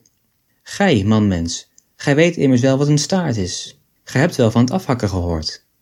O goede en rechtvaardige hemel, dacht ik, deze zijn gekomen om mijn staart af te hakken. Nu komen we onderzoek doen om, ik werd zo bleek als een dode, te zien of het waar is dat gij geen staart hebt. Maar, mijn lieve mevrouwen en juffrouwen, zei ik in mijn verbijstering tegen de apinnen, wat heb ik u misdaan dat gij zo wreed zoudt zijn om mij te beroven van... Beroven? Ganselijk niet, man mens. Wij komen slechts zien of gij er een hebt. Dit stelde mij al vrij gerust. Gij komt eens zien of ik een staart heb. Maar eist de welvoeglijkheid niet dat gij u in dit geval met een blote verzekering tevreden houdt? De welvoeglijkheid? De welvoeglijkheid, is dat ook een aap? Helaas, dacht ik, er is geen genade te wachten. We moeten het zien, man mens. Wij verzoeken het u vriendelijk, of anders. Ik ben hier immers niet onder de mensen. Gij zijt onder diegenen die mensen willen worden, en daarom van tevoren willen zien wat mensen zijn. We hebben belang bij uw staart, en daarom geen weigeringen meer. Dit laatste was precies de toon van een getrouwde vrouw of van een meisje dat twee vrijers heeft. Ik keek vruchteloos naar alle zijden heen, om te zien of er geen weg van ontkoming waren. Dan de aapmeisjes waren zo dicht op elkander om mij heen gedrongen, want elk wilde het dichtst bij de beschouwing wezen, dat ik me nauwelijks meer verroeren kon. Ik gebruikte nog verscheiden redenen, ontleend van de maagdelijke schaamte, eerbaarheid, zedigheid enzovoort, maar alle deze dingen waren hier ten ene onbekend. Zij dachten dat ik van een onbekend soort van apen sprak, waarmede zij niets te doen hadden, en waarvan het geschiedkundig verhaal thans in het geheel niet te pas kwam. Eindelijk begonnen de nieuwsgierige apinnen te vervelen. Zij pakten mij gezamenlijk aan en stelden mijn moeder naakt op een hoge, breedgetopte boom ter beschouwing aan de ganse gemeente voor. Tot mijn uiterste verbazing riep de ganzenmenigte met een soort van gejuich: Hij heeft geen staart! Hij heeft geen staart! Iemand die door een felle bliksem of door een kanonkogel enige ledematen worden afgeslagen of afgeschoten, kan niet vlijtiger de revue over alle zijne zelfstandigheden passeren dan ik mezelf bekeek.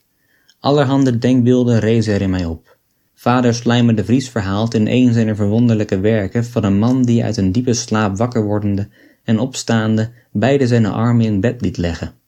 Dit herinnerde ik mij en sloeg verbaasd mijn ogen naar het gras waar ik gelegen had, ten einde te zien of er niet het een of ander van mijn lichaam was afgevallen. De apinnen bekreunden zich mij er niet verder. Zij vertrokken met een uiterste spoed, onderweg overluid schreeuwende: Hij heeft geen staart, hij heeft geen staart. Ik gevoelde dat ik kwaad werd, want ik beschouwde deze handeling als een boosaardige beschimping van mijn persoon. Met een diepe verontwaardiging sprong ik van den boom en mijn toorn den volle teugel vierende liep ik dit apengebroedsel achterna, insgelijks uit al mijn macht schreeuwende, hij heeft er wel een, hij heeft er wel een. Hoofdstuk 15 De eerste sessie Intussen was het plan om de apen tot mensen te hervormen algemeen onder het mensdom bekend geworden. Men beschouwde het als een fabel, als een aardige droom die zich vrij gladjes in een lange winterse avond vertellen liet. Alleen baarde het enige bekommerende opmerking bij de berenleiders, goochelaars, theatermannen, hansworsten en bij allen die door middel van apen hun brood winnen. Deze hunne vrees ging zo verre dat men een algemene samenroeping van dit soort van volkje doen liet, ten einde met algemeen overleg een middel uit te vinden en te bewerkstelligen om de apen in den drang der apen te houden.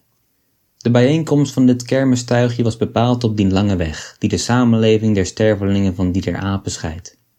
Elk verscheen er in zijn beste gewaad. Men zag er allerlei aardige pakjes, van een menigte verschillende kleuren samengesteld, pluimen en vederen van de schoonste en beste soort, terwijl een iegelijk iets ten kenteken had of droeg waaraan men zien kon van wat beroep hij was. De berenleiders, anders een vuil, onnuttig, zwart, gescheurd, ongeschoren volk, waren inzonderheid deftig uitgedost. Ze waren van het hoofd tot de voeten in berenvellen gekleed, waardoor zij een verwonderlijk ruig aanzien verkregen. Eer de vergadering begon, zwierden de scharen der veelkleurige en gepluimde door elkander, dat een overheerlijke vertoning opleverde. Ik wil de lezers niet lastigvallen met een verhaal van de plechtigheden die er bij deze gelegenheid werden gebezigd. Weinigen hunner die soortgelijke niet gezien hebben of gemakkelijker zich een verbeelding van maken kunnen. Ik zal alleen kortelijk het essentiële deze illustere bijeenkomst aanstippen. De president, zijnde een lange zwaarlijvige forse wereldleider, opende de vergadering met deze aanspraak. Mijne broeders. 24 jaren heb ik met een Kaapse of Noordse beer door de wereld gelopen. Meer dan 800 knuppels heb ik op hun zielzakken aan stuk geslagen. En mannen, altoos hebben zij zo zoet geweest als een lam. Gij zult vragen waarom ik hen dan sloeg. Dat was niet anders dan om mijn meesterschap en hun onderdanigheid aan de wereld te verkondigen. Ik heb ook dertien apen bij mij gehad, die naar mijn ogen omkeken, en zo volmaakt in alle kunsten en wetenschappen waren afgericht, dat koningen en vorsten Jandommen er naar kwamen kijken en van verbaasdheid in hun handen sloegen. En nu, ter bliks, nu komen die helse apen en willig zich tot een rang van mensen verheffen. Maar bij mijn ziel dat nooit. Wat zegt gij ervan, mannen? Wij zeggen dat gij zegt, riep de ganse vergadering zo dat er de aarde van dreunde. Welk een schade, dus vervolgde de ruige president, zouden wij daar niet mede lijden. Zodra zouden wij geen mensen wezen, of zij zouden er de galf van geven, om langer naar onze pijpen te dansen, om op onze honden of beren te rijden, om langer met een ketting om een naars op onze theaters of kwakzalvertafeltjes te zitten. Zij zouden onszelf in rechten betrekken, voor affronten die zij vermenen zouden van ons geleden te hebben. En suikerduivels, hoe vervloekt groot zouden zij ons dikwijls tegenkomen stappen. Zij zouden nauwelijks den hoed van hun kop voor ons afnemen, En hoe verdoemd hard zou het ons vallen om tegen een een of andere aap, die voorheen trilde en beefde wanneer wij slechts om de pingen oplichterden, ziel voor plecht te moeten spelen. Nee, dat verzeg ik. Wij ook, riepen al de vergaderingsleden. Dan zijn wij het eens, zei de president. Maar wat nu gedaan? Een kwakzalver zei, al de apen naar den donder jagen. Maar dan zijn ze te wijd van de hand, zei een Hansworst. Een apenman zei, ze moeten binnen ons bereik blijven. Maar baksteen en blikslag, zei de president, wij moeten er niet nog gekild worden. Zij moeten eronder blijven. Of de duivel sla ze weg, zei een berenleider. Maar wij zijn hier met ons zoveel wijze mannen bij elkander, zei een marionettenspeelder. Laten wij eens overleggen of wij ze dat gat niet vernagelen kunnen. Ik ben er tegen dat ze mensen worden. En ik ook, zei een apenman. En nu verbeeldde de lezer zich dat dit ik ook van mond tot mond gehoord werd. En dat de president ten einde van dit ik ook volstrekt niet meer wist hoe nu verder de vergadering te dirigeren. Hij keek met een zekere verlegenheid in de ronde, even gelijk een dansende beer die zijn lesje vergeten heeft. Eindelijk vond hij er dit op, dat hij met een houding van voldaanheid zei, dan is het wel. En hiermede scheidde de vergadering zijnde de eerste sessie. Hoofdstuk 16 De tweede sessie Men kwam zeer spoedig voor de tweede maal bij den anderen. De president deed als voor een voorafspraak even zo ruig en ongeschikt als de berenhuid die hem tot een rok verstrekte. Geen vergadering echter op den gehele aardbodem die immer zo vreedzaam afliep en waarop zo kort en zakelijk alle dingen behandeld worden. Dus, bijvoorbeeld, maar wat behoeven wij er langer onze kop mee te breken, zei een aapman. We zijn het immers altemaal eens dat het apen moeten blijven. Zeer zeker, zei iedereen tegelijk. Wel nu, dan is het immers afgedaan. Laat er maar eens een stuk of twee, drie uit ons midden met elkaar over spreken, zei een marionettenman. En dat die luiden doen is wel gedaan. Goed, goed, zei de president, maar die luiden moeten dan ook zo lang haar bek houden totdat ze klaar zijn. Braaf ook, braaf ook, zeiden alle tegelijk. En hiermede, zonder meer formaliteiten of woorden te gebruiken, had de vergadering een geheim comité gedecineerd. Een zaak die anders verscheiden dagen arbeids kost. Al de leden waren reeds op weg toen men zich te binnen bracht dat men niet bepaald had wie eigenlijk de twee of drie gevolmachtigden zouden wezen. Jongens, zei de president, we hebben vergeten drie luiden te kiezen die onze zaak zullen uitvoeren. We kunnen het nog doen, zei een dierenman. Wie wilt ge hebben, mannen? zei de president. Wel, laten wij er hem opgooien, zei een Jan Klaasens jongen. We zijn er allemaal even naartoe. Dat zal best wezen, zei de president. Hassa, bolla. Flux greep elk zijn hoed of zijn muts, gooide denzelve in de hoogte en al die hollach was eraf. Dit duurde zo lang totdat er maar drie overschoten die bol lagen, zijn een harlequin, een lierenman en een kwakzalver. Dit gedaan zijnde gingen elk zijns wegs. En nu daag ik alle vergaderingen uit die immer gehouden zijn om te declareren of deze niet waardig waren geweest een voorbeeld te verstrekken en of men dus onder de mensen handelende niet oneindig meer ere en voordeel zou behalen. Hoofdstuk 17 De gulle presentatie Nummer 120.978 zag de vergenoegde aapwijfjes en meisjes van verre reeds komen aanhuppelen. Sommigen buitelden van blijdschap, anderen speelden haasje over, en nog anderen droegen elkander kakkenstoelenmijen. En dat alles onder het luide gejuich van hij heeft geen staart, hij heeft geen staart.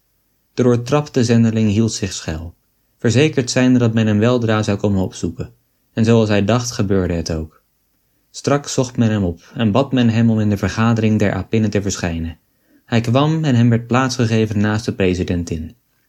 Men betuigde in de eerste plaats de zuiverste dankerkentenis voor zijn onbaatzuchtige genegenheid te haarwaarts, als hij zich wel had willen verledigen om haar van wijze raad te dienen, en de doorslaandste blijken van zijn oprechtheid en onpartijdigheid te geven, enzovoorts. Men deed hem vervolgens rapport in wat toestand ze mij gevonden en welke ontdekking zij betrekkelijk bij de achterste delen gedaan hadden. Men beschreef hem alle de omstandigheden van dit onderzoek. En ofschoon zij hem tenminste drie of vier malen één ding verhaalde, wilde hij echter haar in het verhaal niet storen. Wanneer nummer 120.978 een mens geweest waren, zou dit een sterk bewijs van de diepe verdorvenheid de natuur hebben opgeleverd. Doch, nu was het maar een aap. Ziet gij nu wel, zei hij, nadat zij schoon uitgesproken hadden, dat ik u de waarheid gezegd heb, dat de mensen geen staarten hebben en dat zij, wel verre van daardoor minder te wezen, veel eer te schoner om zijn? Hoe hagelblank, hoe zacht, hoe mals, hoe zuiver was, al de apinnen watertanderen, het manmens aan dat gedeelte zijns lichaams waar wij een ruige, ruwe, slenterende en bekakte staart dragen? Dat hebben wij gezien en gevoeld, riepen al degenen die met hun pootjes mijn achterste deel hadden kunnen bereiken. Gij hebt derhalve, ging nummer 120.978 voort, kunnen opmerken hoe hoog noodzakelijk het zij dat wij onze staarten laten afkappen. Vooreerst om de mooie gladdigheid en overschone welstand, en ten andere om een gevoeglijke plaats voor een tweede staart bij de hand te hebben. En nu riepen alle de aapinnetjes, hoezee, hoezee.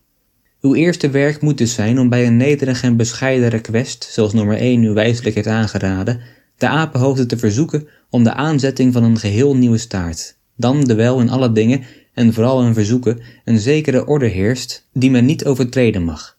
Moet gij u in de eerste plaats bepalen tot de afkapping van dat lange ding, waarvan wij volstrekt geen nuttigheid hebben zodra wij manmensen zullen wezen, en dat ook de nieuwe staart dwars in een weg staat. En dit was iets dat zeer duidelijk door alle de apinnen begrepen werd. Nu kwam het hier pas te vragen wie men tot het opstellen van soortgelijke request bezigen zou. Ik weet wel iemand, zijn nummer 120.978, die zeer bekwaam is in het stellen van dergelijke zaken, maar hij zweeg en haalde zijn schouders op. Zou hij het niet voor ons willen doen? vroegen de apinnetjes. Zeer gaarne, antwoordde nummer 120.978. Doch hij zou er niet voor bekend willen staan. De tijden zijn tegenwoordig zo wonderlijk. Wel, dan moet hij het in stilte doen, zei een apin. We zullen hem niet beklappen. Ja, zei nummer 120.978. Ik weet wel dat ge alles zwijgen kunt. Gij lijkt op de vrouwmensen. En anders weet ik nog iets beters, zei een apin. Laat nummer 120.978 zo goed zijn om het die requesterige aap te verzoeken. Dan kan hij het ons bezorgen. En dan althans zal de maker wel geheim blijven. Alle de hem om de hals vallende en hem bij de poten en staart grijpende. O, dat zou zeer goed wezen. Allerliefste 120.978 je, wanneer gij het wilde doen. Gij zoudt... O, zeer gaarne, zei nummer 120.978. Gij zult immers voor mij ook wel wat willen doen? Gij kunt van ons alle mogelijke diensten eisen, zeiden alle tegelijk. Hoofdstuk 18 De requestschrijver Nummer 120.978 liep de post naar nummer 5 en gaf hem de goede uitslag zijner onderneming te kennen. Nummer 5 was opgenomen van vreugd, want nu wist hij bijna met volkomen zekerheid dat hij op nummer 1 de zege stond te behalen. Want, zei hij, ik heb de apinnen in mijn voordeel. Hier stond hij gelijk met het mensdom. Wij moeten het ijzer smeden terwijl het heet is, zei nummer 120.978. Zeer vast moeten wij dat doen, maar wie zullen wij het request laten schrijven? Wie? Weet gij er geen die het schrijven kan? Onder ons apen zijn zo weinig schrijvers, zei nummer 5. Ik weet er een. Maar er zou wat gegeven moeten worden. Dat is niets, een duizend okkernoten, is overvloedig genoeg, maakte nummer 120.978 af. Maar wie is het? vroeg nummer 5. Het is nummer 9 miljard 278 miljoen 431.223. Een jongen van zeer veel bekwaamheid. Nummer 9 miljard 278 miljoen 531.223. Wel, kan ik die niet? Nummer 9 miljard 278 miljoen 531.223. Wel, die heb ik meer horen noemen. Hij heeft onze waterlandse historie geschreven, zei nummer 120.978. Hij is getrouwd met nummer 2 biljoen 500 miljard 807 miljoen 903.212. De dochter van de vermaarde 25 biljoen 9 miljard 731.5201. Die zich zozeer heeft doen uitmunten in zijn schipschrift tegen nummer 3 triljoen 645 biljoen 800 miljard 9 miljoen 323.106. Dezelfde, nummer 5, ik ken hem. Wel nu, zou gij wel eens zo goed willen zijn om hem een request te bestellen? Gij weet wat inhoud het wezen moet. Gij behoeft op geen 25 okkernoten te zien als hij het maar goed maakt. Twijfel daar niet aan. Ik ga aanstonds heen. Hoofdstuk 19 Het onweder en een kwaad wijf. Lang waren de lucht betrokken geweest. Dikwijls had men onweder verwacht, doch telkens waren de buien wederom overgedreven. De lucht verdroeg zeer veel. Eindelijk echter pakten de met vuur bezwangerde wolken zich dicht op en tegen elkander. Door tegenstrijdige winden, uit de vier hoeken der aarde als het ware opgejaagd, schoven zij zo lang over en onder elkander heen, totdat de ruimte welke door hun zwaartekracht bepaald was, geheel opgevuld waren. Als toen schokte en bonste zij tegen elkander met een geweld dat hem barsten deed. De bliksem vloog er van alle zijden uit. Het waren brede vuurstromen, duizend malen breder en gloeiender dan er immer uit een vorst der brandende bergen voortvloeide. De donder ratelde, bulderde en stampte, even alsof hij alom halve werelddelen ontmoette die hem ten taak gegeven waren om te verbrijzelen. Het gevolg van dit alles was een zundvloed over het apenland.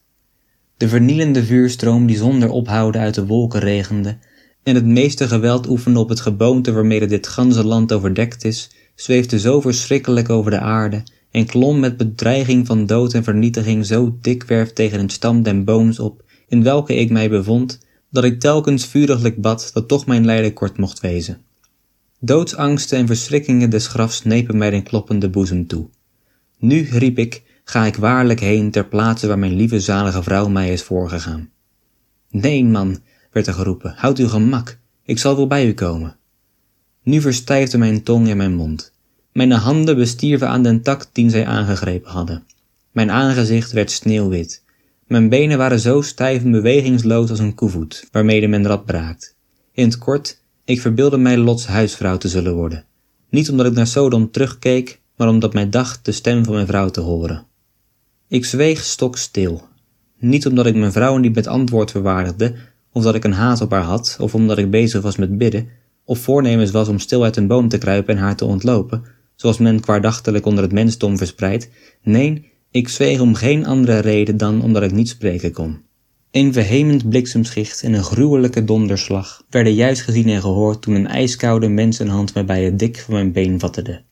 Ik gaf een luide gil. Schrik niet, werd er gezegd. Doch wie, Satan, zou er in die omstandigheden niet schrikken? Wie zijt gij, vroeg ik, zoveel ik uit kon brengen. Ik ben uw vrouw, was het antwoord. En toen viel ik geheel van mezelf. Hoofdstuk 20 De verachte vrouw Toen ik weder bijkwam scheen de zon uitnemende vriendelijk. De lucht was geheel opgehelderd en zuiver. Ik ademde zo mij dacht de gezondheid zelf in. Alleenlijk werd het onschuldig genot van den heldere hemel verhaald door het gezicht van een oude, grijze, schuddebollende, zeeroogige en druipneuzende apin, die naast mij zat en zeer zorgvuldig mijn hand in haar verschrompelde poot hield. Manlief, zei het lelijke beest. Daar bewaren ons God voor, zei ik, dat gij immer mijn vrouw zoudt wezen. Het afbeeldsel van den Satan schreide. Gij zoudt wel doen, vervolgde ik, met u ten spoedigste van hier weg te pakken. Helaas, gilde het oude dier. Gij verstaat mij immers wel, vroeg ik. Maar al te wel. En waarom gaat gij dan niet? Ach, knarste deze Proserpina, mijn waardige echtgenoot, voorheen zo teder, zo hartelijk, zo lief, maar nu zo nors, zo vreed, zo barbaars. Waarmede heb ik dit verdiend? Hemel, gaat het dan altoos zo met de mannen, de enige jaren de aanzichten hunner vrouwen zijn gewoon geworden? Zij had precies dezelfde toon, dezelfde houding en dezelfde wijze van uitdrukking als mijn vrouw zaliger. En inderdaad, ik begon bang te worden dat de verhuizing der zielen een leerstelling waren die me al te waarachtig was. Zij kwam daarop naar mij toe, lag haar ene poot op mijn hart, stak de andere onder mijn hals heen zodat ik in haar arm kwam te liggen, beurde mij toen met drift op, zette de haar verschroeide en puistige lippen op mijn wangen terwijl de etter uit haar ogen droop, en meende mij dus op haar ijskoude boezem te drukken en aldus te kussen, of liever te verstikken. Doch, door meerder krachten ondersteund, rees ik schichtig op, sloeg met kracht mijn armen wijd van elkander, zodat het grijze spooksel wel tien voeten verre van mij afvloog en in het gras nederplofte, met zulke geweld dat ik mij verbeeldde dat zij ten minste in zeven of acht stukken moest wezen, en toen, zonder mij langer te bedenken, verliet ik dit akelig gedeelte des wouds met voornemen om er nooit weder mijn voeten te zetten. Hoofdstuk 20 De staatslist. Nummer 1 altoos overkropt met staatsbezigheden en nimmer oplettende genoeg op alle de voorwerpen die eigenlijk een staat formeren, wist niets van de heimelijke opstoking van nummer 5. Hij had zo nu en dan wel eens een apinnetje gesproken, doch deze beschouwde hij in vele opzichten als veel te gering om er staatkundige onderzoekingen bij te doen. Hij kende helaas de voorbeelden niet van rijken en staten, die door vrouwen bedorven zijn geworden, misschien omdat men haar te veel toeliet of er te veel overheen keek. Ook stonden de apinnetjes geheel in vertrouwen dat het gevoelen van nummer 1 met dat van nummer 120.978 overeenstemde.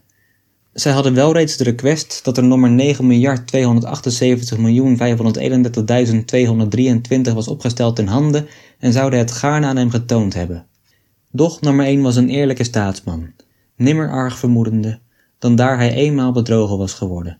Hij begeerde het derhalve niet te zien, want, zei hij, gij zegt toch dat het volmaakt met mijn concept strookt.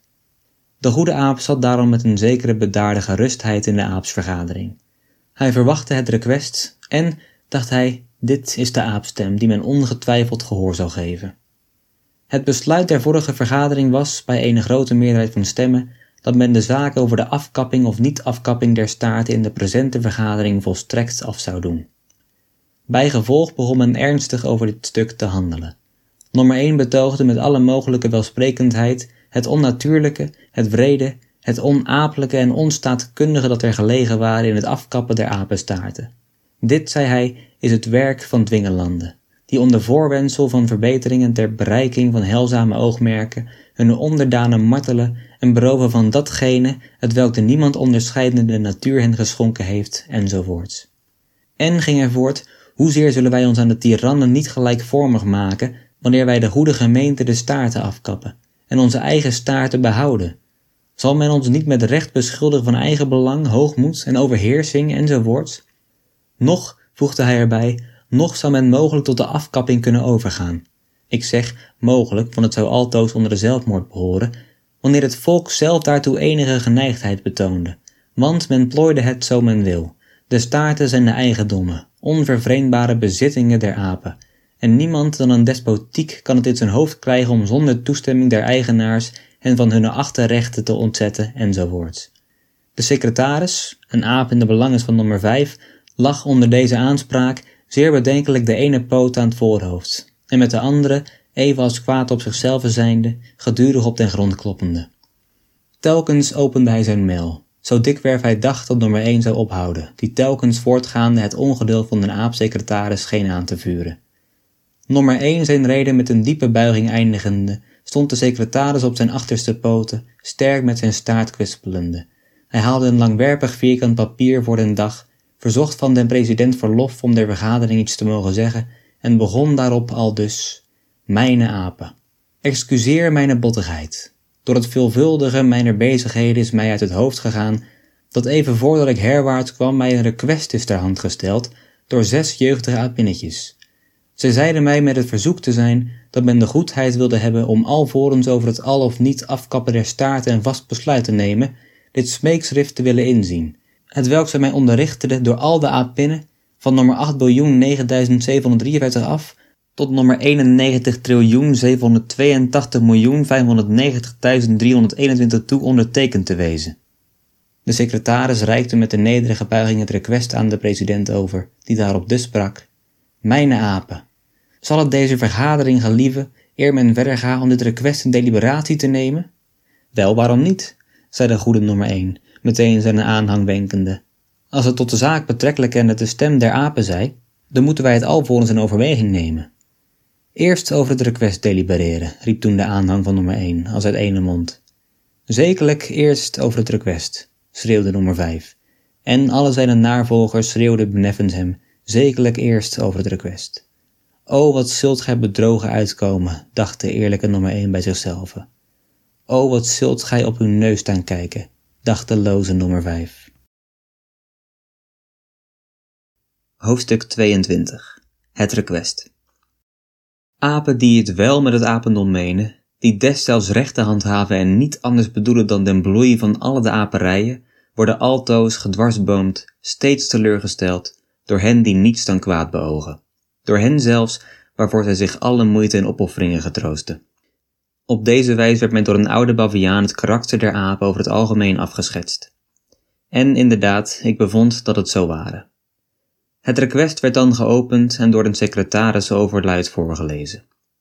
Het behelsde hoofdzakelijk dat de apinnen van staarten horende reppen dadelijk de oren hadden opgestoken, omdat zij niet zozeer hun attentie waardig keurden dan de staarten in het algemeen dat zij serieuselijk onderzoek gedaan hadden naar de soort van staarten die men had voorgesteld om afgekapt te worden.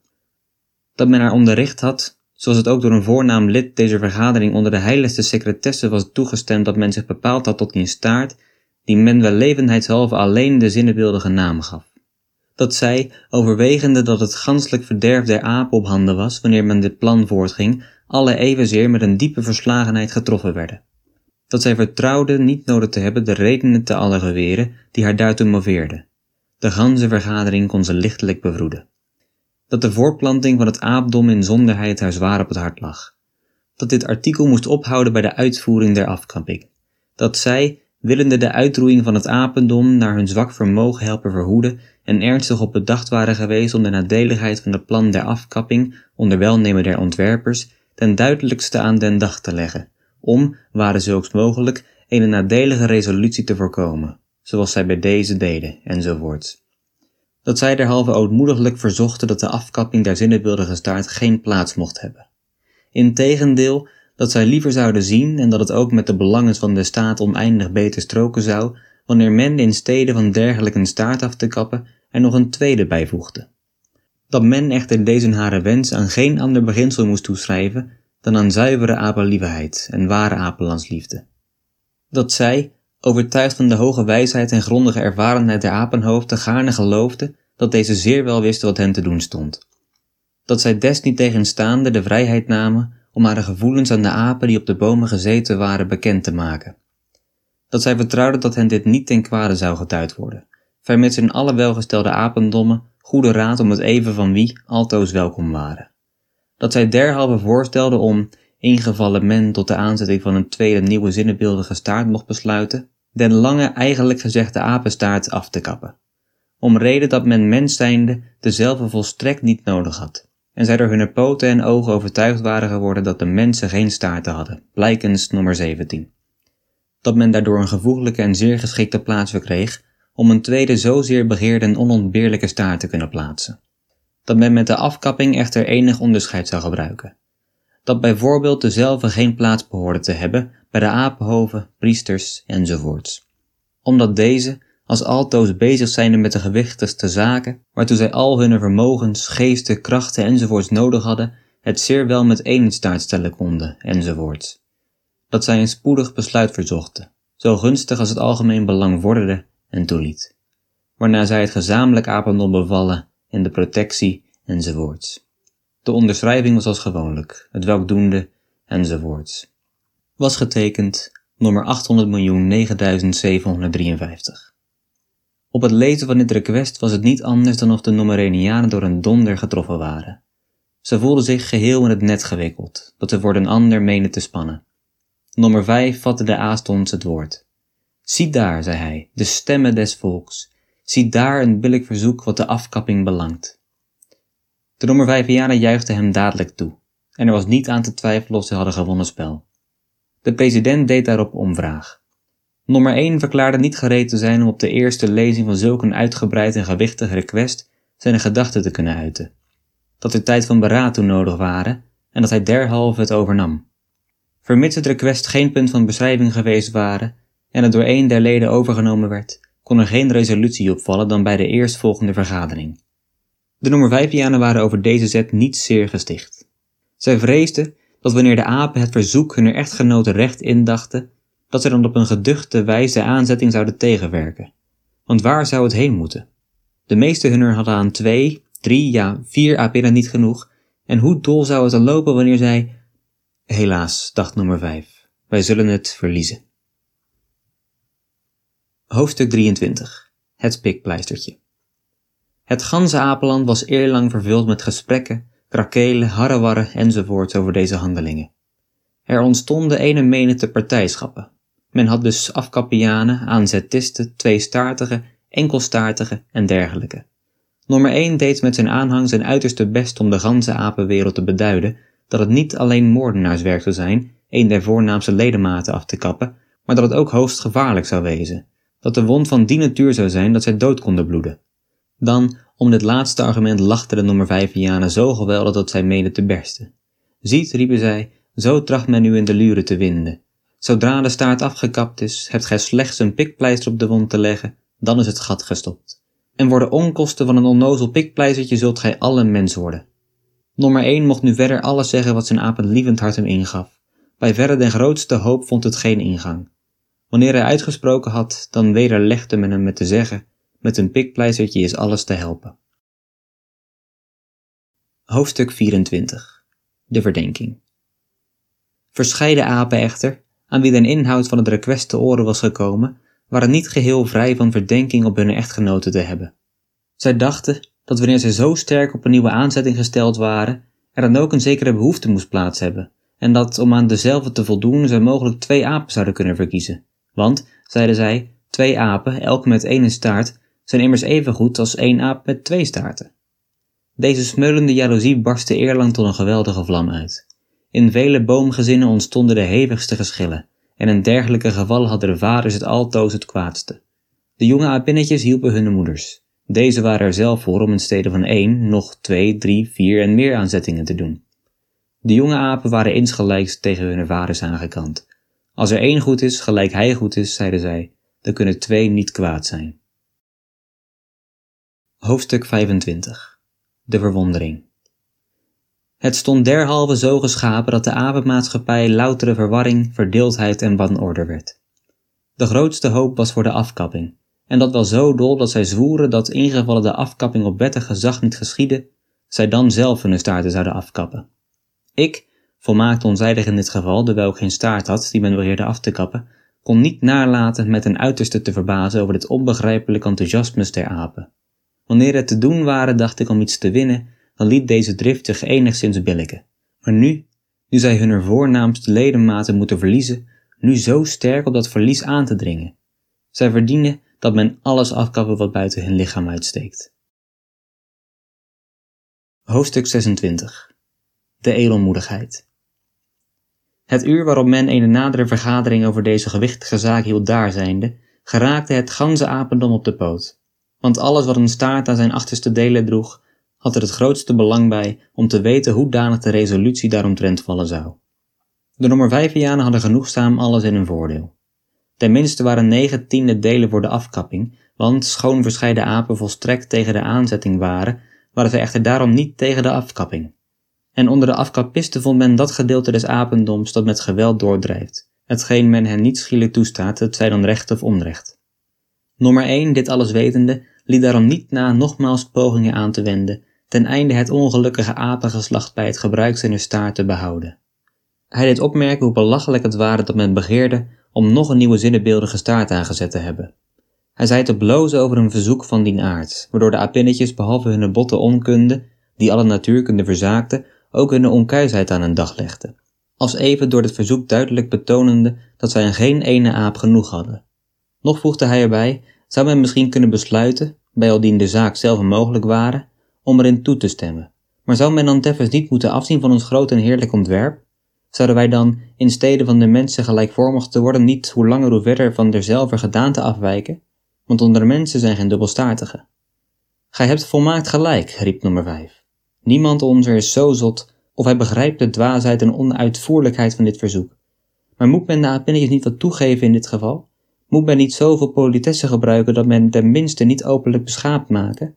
Doen wij op onze beurt ook niet wel eens verzoeken aan de apinnetjes, die waarlijk onze meerderheid boven haar in het geheel niet tot ere verstrekken en in alle gevallen, hij ziet nummer 1 sterk aan, wie heeft haar de twee staarten het eerst in het hoofd gebracht? Wij willen ook niet eens treden in dat verzoek. Uit inschikkelijkheid voor de uitbinnetjes en des zelfs aanstokers zullen wij het voorbijgaan, even alsof het niet geschied waren. Maar wat de afkapping belangt, de afkapping die ons zo nabij aan de gelijkvormigheid van het mensdom zal brengen, de afkapping die zo algemeen en zo geweldig door het apendom begeerd wordt, dit is de zaak die overeenkomstig het grote plan geschieden moet, waarop wij ten sterkste aandringen, en waarvan wij, in gevallen van weigering, de gevolgen geen zins voor onze rekening nemen.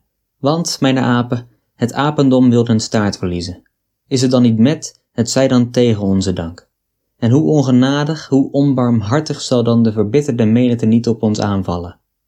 Zij zullen ons de gunst niet bewijzen om onze staarten ordelijk af te kappen. Nee, zij zullen ze afdraaien, afringen afscheuren, afknauwen, met wortel en tak uitdrukken, zodat onze darmen, onze long, lever, maag, nieren en verdere ingewanden eraan zullen blijven hangen. En wij met een ingevallen buik voorover, dood, hartstikke dood, zullen nederstorten. Dit laatste sprak hij met zulk een forse uit, dat velen van den aanhang van nummer 1 naar hun staarten omziende het besluit namen om van de partij van nummer 5 te kiezen, dien zij thans als een profeet begonnen te beschouwen. Nummer 1 bespeurde hoe langs hoe duidelijker dat hij het spel te verliezen stond. Ware ik in zijn plaats geweest, ik zou al zeer spoedig het onwaardige apendom gestraft hebben door het zijn zin te geven. Dan, nummer 1 was in den hoogste graad aaplievend. Hij wist dat de bevooroordeelde apen zodra hun staarten niet kwijt zouden wezen, of zij zouden het grootste berouw van hun onbezonnen daad hebben. Of zij zouden met hart en ziel verlangen dat zij zijn wijze raad mochten hebben opgevolgd. Doch als dan wist hij teffens dat het berouw te laat zou komen, omdat een eenmaal afgekapte staart zich niet weder liet aanzetten, noch dat er geen nieuwe in deszelfs plaats zou groeien. Hij voorzag gedroevig gejammer en bitterlijk weeklagen der staarteloze apen, die onder de hevigste pijnen, met de trekkendste pikpleisters op hun wonden, eeuwige vervloekingen zouden uitspreken over hen die de afkapping hadden voorgesteld en aangedrongen. Hij wilde daarom zich geheel kwijten van zijn verplichting als aap en begeerde niet dat men een naderhand iets als geringste te last kon leggen. Door dit edel beginsel gedreven deed hij het voorstel om alvorens tot een algemene afkapping te resolveren, eerst de proef aan tien of twaalf apen te nemen, om te zien hoedanig zulk een vreemd kuur hem bekomen zou, en dat hij, dewijl deze tien of twaalf misschien bezwaarlijk te vinden zou zijn, zijn eigen persoon aanbood om aan deze beproeving te worden blootgesteld. Mislukte de afkapping en werd zij, gelijk hij vreesde, dodelijk voor degene die ze ondergingen, als dan kon men ervan afzien. Doch gelukte dezelfde wel, als dan ware het nog tijd om ertoe te besluiten, en in dat geval zou hij de eerste wezen die er zijn stem toegaf. Deze edelmoedigheid was zo groot dat de vergadering schaamshalve besloot om dit voorstel in een resolutie te veranderen. Hoofdstuk 27 De generale afkapping Na het aflopen deze vergadering begrepen de Normervijvianen eerst recht welke geducht nadeel de genomen resolutie hem doen kon. In de eerste plaats wisten ze zeer wel dat de afkapping van een zo voornaam lid als de staart was, zo gemakkelijk niet in zijn werk gaan zou, als de grootste hoop zich wel verbeelde. Zij penetreerden zowel als de Nomerenianen de gevaren en naslepen aan die afkapping verknocht. Zij konden derhalve gissen dat de proefneming nimmer ten hunne voordelen kon uitvallen, dat dezelfde een geweldige indruk zou maken op de kleinzerigen en dat de apinnetjes vooral te tederhartig zouden wezen om, eenmaal die ijselijk bloedige afhakking gezien hebbende, ze voor de tweede maal te begeren. Ten tweede had nummer 1 het aanbod gedaan om zelfs in persoon onder de proevelingen te behoren, zij waren wel zo niet dat zij begeerte hadden om die edelmoedigheid na te volgen. Of dat zij bevreesd behoefden te zijn dat iemand onder de vijvianen trek tot het vrijwillige martelaarschap zou krijgen. Doch hoe licht kon het gebeuren dat het volk, door de Enianen opgestookt, eisen kon dat men de proefneming aan de apenhoogte bewerkstelligde. En in dat geval gingen zowel hun oogmerken als hun staarten onherstelbaar verloren. Derhalve zat er niets anders op dan het volk andermaal te misleiden en tegen zijn weldoenders in het harnas te jagen. De Vijvianen vertelden derhalve aan de goede gemeente dat de Enianen niets anders zochten dan hen tot een lage rang van apen vernederd te houden, dat ze daartoe allerlei kunstenarijen in het werk stelden om alle heilzame resolutieën te vertragen of wel geheel te verrijdelen.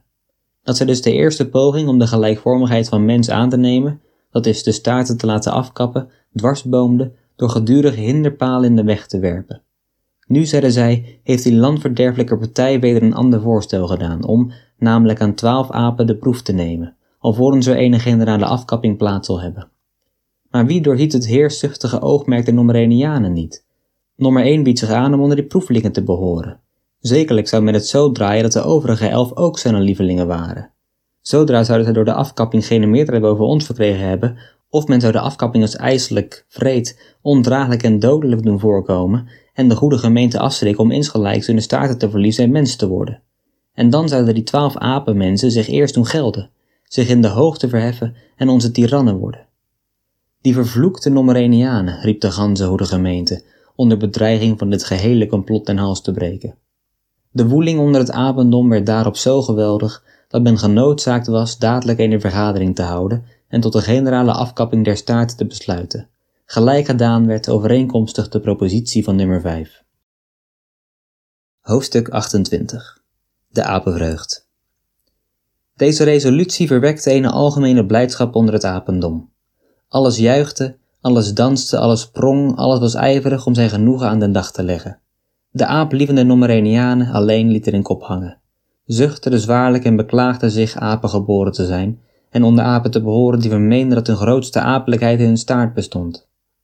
Deze hadden geen andere troost dan dat zij wel met hun mede-apen hadden voorgehad en dat deze het volstrekt zelf waren waaraan de rampen te wijten waren die hen dreigden te overkomen. De Normervijvianen, vrezende dat hun partij nog enige heimelijke pogingen zou doen om de gemoederen des licht veranderlijke apendos om te zetten, wisten het vuur van die onbezonnen ijver in diervoegen aan te blazen, dat de menigte andermaal opkwam en de apenhoofden noodzaakte om een dag der afkapping vast te stellen. Uit hoofde der grote en omslachtige omstandigheden, welke bij deze bloederige plechtigheid moesten plaats hebben en die alle van tevoren beschikt moesten worden, kon men het tijdstip der afkapping niet spoediger bepalen dan op de derde dag na het nemen der resolutie. Intussen waren de geruchten, maar op een verwonderlijke wijze misvormd, ter oren van het geheim comité gekomen. Men had het verhaald dat al de apen reeds zo ver in het stuk der menswording gevorderd waren dat er niets anders meer aan ontbrak dan dat hun staarten moesten afgekapt worden, en dat deze afkapping spoedig stond te geschieden, zodat het rijk der berenleiders, apenmannen enzovoorts eerstdaags geheel ten einde zou lopen. Zij meenden hier niet te moeten vertoeven, maar dadelijk gewapend der hand naar het apenland te moeten vertrekken, ten einde zulk een verschrikkelijke inbreuk op hun prerogatieven te voorkomen. Hoofdstuk 29 De schikking De apenhoofden hielden zich nu druk bezig om aanstalt tot die grote dag te maken, die voor eeuwig in de geschiedboeken der apen stond te worden gebrandmerkt. Nummer 1 kon het niet afzien om zijn aaplievigheid te doen werken. Hij zocht de zaken daarheen te dirigeren dat de schikking der afkapping in diervoegen zou zijn dat men niet meer dan zes apen tegelijk de staarten zou afhakken. Hij verhoopte dat door het gezicht der marteling van enige weinigen de overigen zouden worden afgeschrikt, zodat zelf het tijdstip der uitvoering nog een middel kon worden om het apendom bij zijn staart te bewaren. Dan de nummer Vijvianen, die niet anders dan listen van deze partij verwachteden, doorzagen den gehele toeleg van nummer 1 en hadden weinig moeite om derzelve te verijdelen. Dit was de reden dat de schikking of wijze der afhakking al dus bepaald werd. Alle de apen, de apenhoofden uitgezonderd, zou men in een zeer groot veld doen bijeenkomen, en al daar in een grote cirkel of ronde kring scharen, alle achter elkander, zodat elke aap de staart van zijn voorzitter kon bereiken. Elke aap zou zich moeten voorzien van een scherp hakmes, een houtblokje en een pikpleister. De aap in den ronde kring gezeten zijnde, zou elke aap den staart grijpen van den aap die voor hem zat. Op een sein dat gegeven zou worden, zou elke aap de gegrepen staart op het blokje leggen. Tenzelfde tijde zou elke aap het pikpleizertje tussen de tanden moeten nemen, ten einde het schielijk bij de poot te hebben. Dan zouden men andermaal een sein geven, en op het geven daarvan zou elke aap met de ene poot zijn scherp bijltje omhoog moeten heffen, terwijl hij met de andere poot de staart van zijn voorraap zou vasthouden. Eindelijk zou het laatste sein volgen. Dan zouden alle de apen tegelijk moeten toehakken en met één slag den staart die op elk zijn blokje lag moeten afhakken. Schielijk zouden zij dan de pikpleizertjes van tussen de tanden moeten nemen en ze zonder vertoeven op de wonden leggen, het welk gemakkelijk geschieden kon, terwijl zij alle in de ronde achter elkaar zouden moeten blijven zitten totdat men het teken gaf van op te reizen. Aldus vermeende men dat deze zeer grote zaak binnen de tijd van een paar minuten tot een ieders genoegen en met weinig pijn kon verricht worden. Nummer 1, ziende dat er voor hem niet meer te doen viel, deed een korte aanspraak aan de vergadering, betuigende vrij te zijn van het onschuldig bloed dat zo baldadig als onnut vergoten stond te worden, verklarende bij deze voor de ganse apenmaatschappij medegewerkt te hebben tot het plan om de apen in mensen te hervormen, doch teffens ten sterkste zich verzet te hebben om een moordenaar van te maken.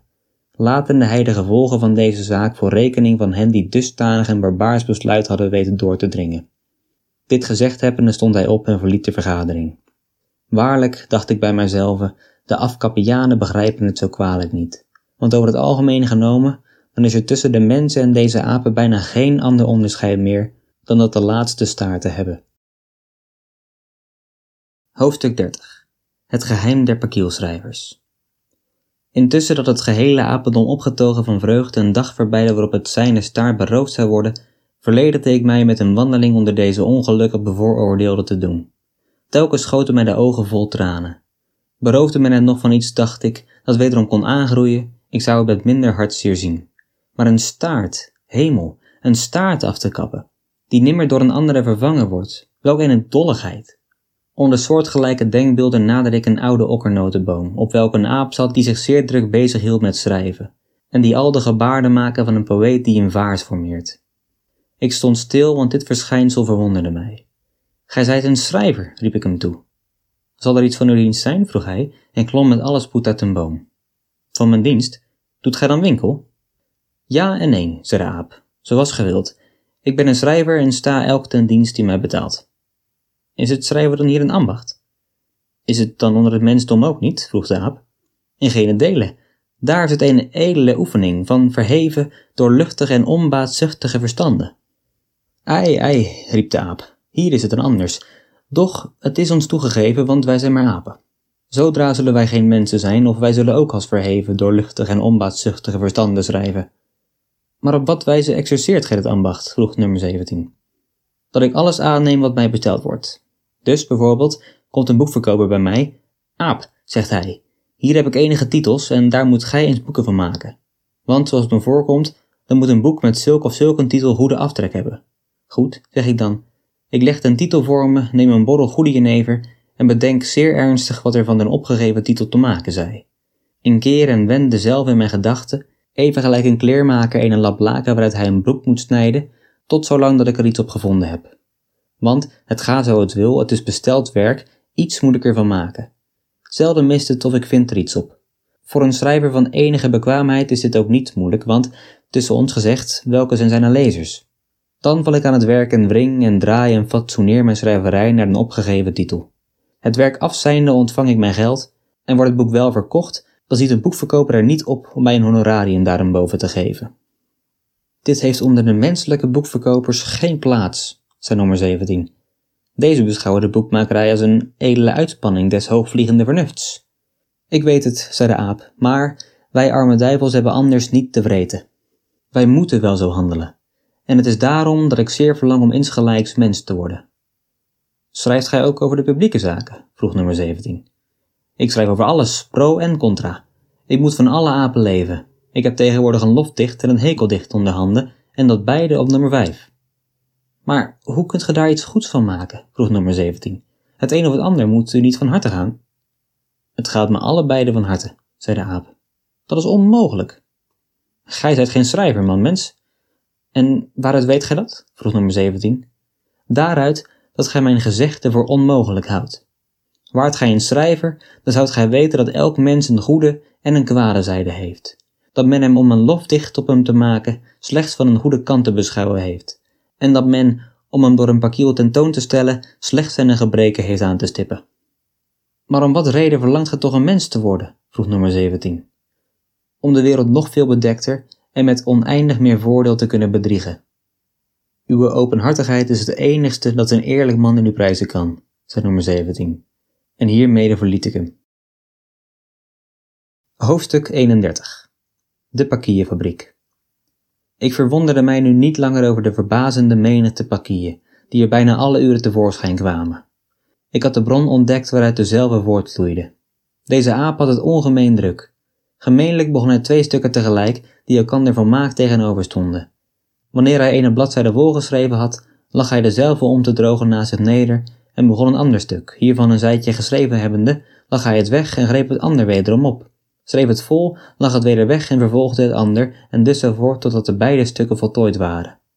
Het was zo handig en gauw dat hij al voort voortschreef, zonder zich te bedenken of op te zien.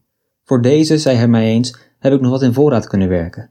Maar thans is het heet van de naalden weg. Terwijl ik het achterste schrijf is het voorste al gedrukt, gevouwen en ingenaaid. Maar, vroeg ik hem, wanneer dit staartenthousiasmus eenmaal zal ophouden, want dat kan niet altoos duren, wat dan? Dan is uw drukte gedaan. Gedaan? glimlachte hij.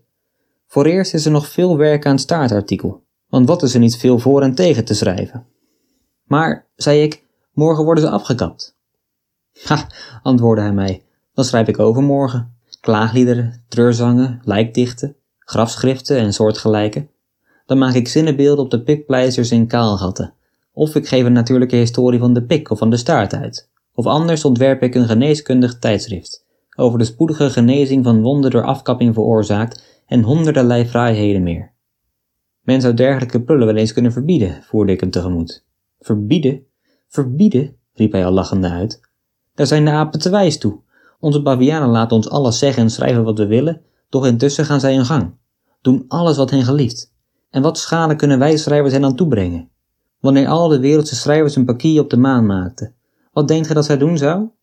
Zij zou voordrijven zoals gij gewoon was, zonder zich aan de pennenkrabbelaars te bekreunen, en zij zou wijselijk handelen, want helaas, als een pakier niet verbittert, dan mist de maker zijn oogmerk. En hij scheidt eruit omdat zijn lezers eruit scheiden. Men heeft hier eens een voorstel gedaan om van staatswegen een soort van opkoop van de pakieren in te voeren.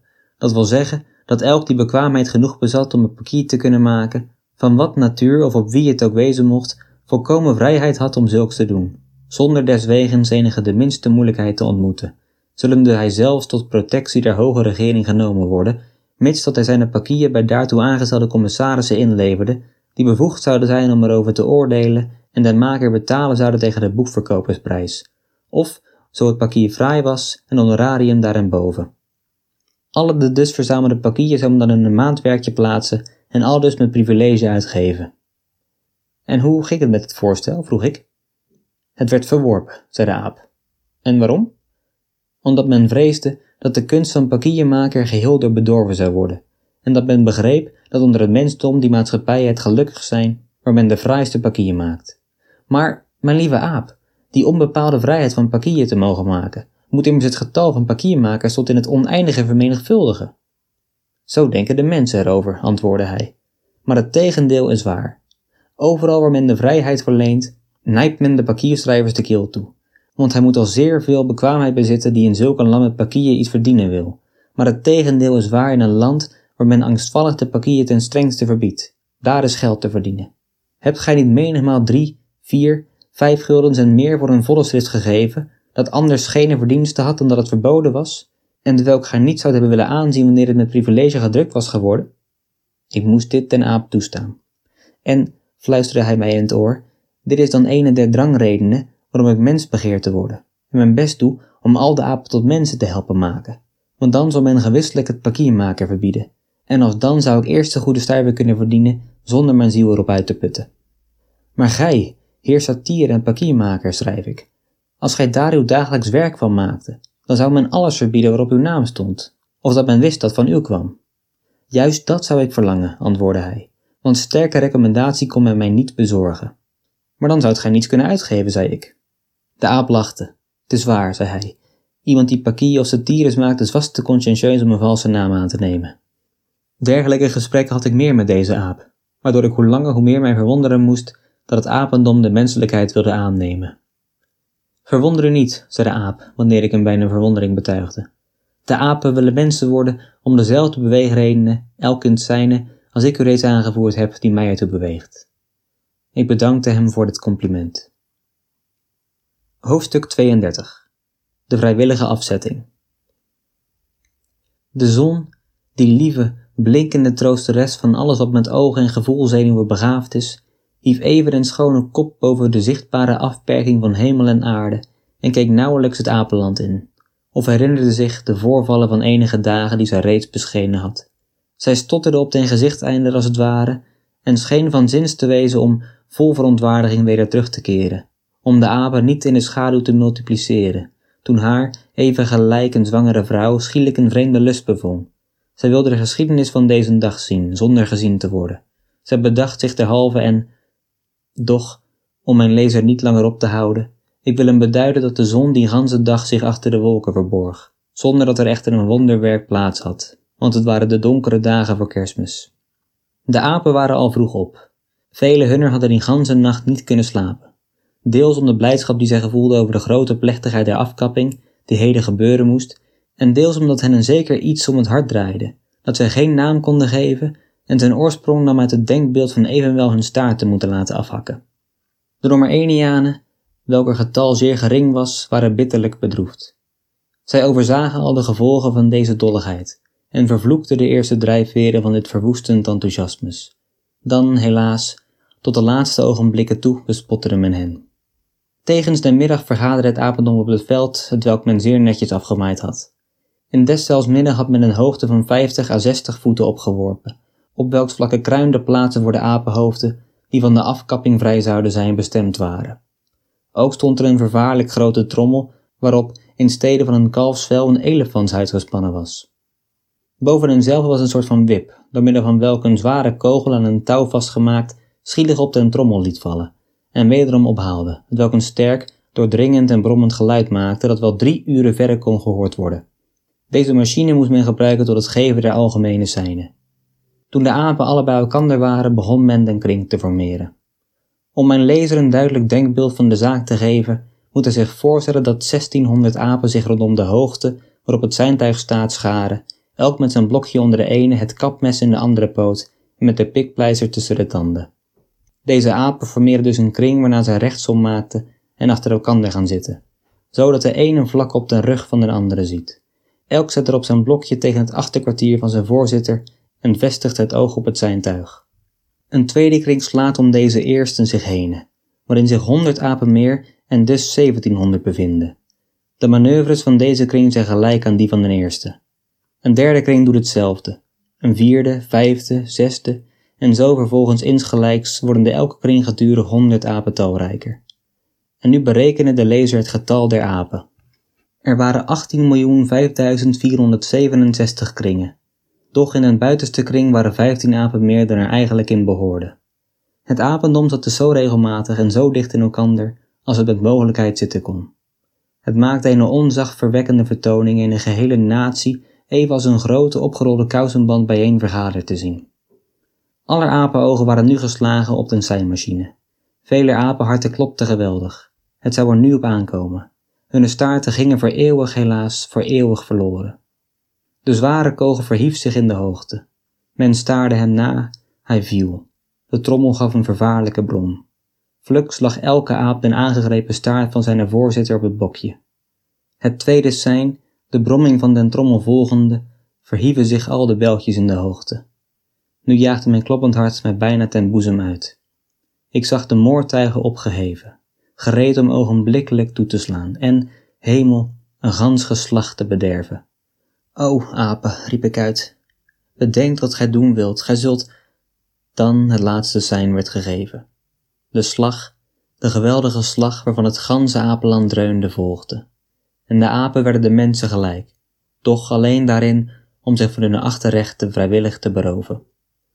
Mijn staart werd niet afgekapt, dus was het geen eigen belang, maar bij al wat heilig is kan ik betuigen dat, toen de bijlen nedervielen, het eveneens waren alsof ik ook een staart had, die door de scherpste des bijls van mijn lichaam werd afgescheiden. Hoofdstuk 33 De volksellende. Nauwelijks waren de bijlen door de staarten, knarsten het tot op het blok doorgedrongen, of de onbezesbaarste, de geweldigste pijn dit al de apen luide schreeuw geven, zodat de wolken er een echo van terugkaatsten. Want men geliefde te begrijpen hoe groot en verschrikkelijk het eenparige schreeuw van zoveel miljoenen apentreffens geweest moest zijn. En tot vermeerdering, of liever tot voltooiing van het ongeluk, in stede dat elke aap dadelijk na de afkapping het pikpleistje zou gegrepen op de wond van zijn voor zich zittende aap zou gelegd hebben, werd hij derwijze door de verwoede smart beduiveld, dat hij zonder op het pleistertje te denken met beide zijn poten naar zijn eigen bloedende achterkwartier greep en even als razende uit een kring sprong. In één ogenblik was alle orde verbannen. Hoezeer de hoofden zich bemoeiden om de pleistertjes gelegd te krijgen, de woedende apen luisterden niet. Zij schreeuwden, zij grijnsden, zij helden, ze knersten tanden en liepen als zinneloze onder en over elkander heen. De verdringing begrijpt men dat allergeduchtst groot was. De ellende van het staartloze apendom waren onbeschrijfelijk. Sommige bloed deden zo geweldig dat ze binnen tien minuten flauw werden en als doden daarheen vielen. Anderen niet wetende wat ze deden staken hun poten in hun wonden en trokken er de darmen uit. Anderen werden zo verhemend gedrongen of vertrapt dat alles wat maar enigszins vloeibaar in hun lichaam was er van achteruit spoot, even als het water uit een glazen was spuit. Anderen zochten hun staarten wederom op en deden moeite om ze er wederom aan te zetten. Dan rechtvaardige goden te vergeefs. Anderen wentelden in hun eigen bloed, zichzelf met vuisten slaande. Het bloed liep met ganzen stromen het apenland uit. Het veld lag tien uren in de ronde, twaalf voeten dikte, opgehoopt met afgekapte staarten waarvan de meeste nog enige trekkingen van leven hadden, zodat zij flauwelijk dooreen krioelden, omtrent als pasgekeurde palingen. Alles wat zijn staart verloren had, vervloekte de Norvijvianen, die kort tevoren zo algemeen gezegend en toegejuicht werden. Eindelijk door verlies van bloed en hevigheid van pijn stortte het ganse apendom, dat helaas niet meer dan uit een vel en benen bestond, in onmacht daarheen. De Vijvianen, ziende wat het gevolg hun dwingelandij waren, dropen beschaamdelijk af en verborgen zich in hun rijk geladen okkernotenbomen. Nummer 1 met al de zijnen schoot er hulpen toe en bepleisterde alle de bloedende apengaten die zij konden. Hij verweet de ongelukkige menigte niets, nee, hij vertroostte haar en deelde al haar de versnaperingen mede die hij zelf bezat. Hij bezorgde de zieken, paste hen zelf een eigen persoon op en droeg met eigen handen de doden uit de middenweg. De apakielmaker zat wederom in zijn boom gelijk tevoren. Ik verwonderde mij dat ik hem even druk bezig zag als onlangs. Hebt gij uw staart nog? vroeg ik hem. Nee, antwoordde hij. En dat zo in staat om te kunnen schrijven? vroeg ik. Ik heb zeer weinig letsel van de wond, zei de aap. En al uw medeapen zijn er bijna om koud. Ze moesten het gat gestopt hebben, zei de aap. Hebt gij dat gedaan? Zeer zeker. Met een pikpleistertje? Nee, zei de aap, met de pakier. En zie daar, de wonden zijn zo goed als genezen. En wat doet gij nu? Ik maak lijkdichten, rouwklachten enzovoorts. Dus begrijpt gij dat ik de poten vol heb. Hoofdstuk 34 Het zieltogende apendom De berenleiders, Koemswie, horende dat de apen bezig waren met zich in mensen te hervormen, verdubbelden hun schreden om waren het mogelijk te beletten. Dan, ach, hoezeer zij zich haasterden, ze kwamen niet eerder in het apenland dan toen reeds het ganse apendom in flauwte lag en met een dood worstelde. De aandoeningen deze aapheren waren onbeschrijfelijk. Ze zagen op eenmaal zich van hun bestaan en kostwinning verstreken, zonder dat hun kindskinderen hoop konden voeden op de herstelling van de gestaarte familie.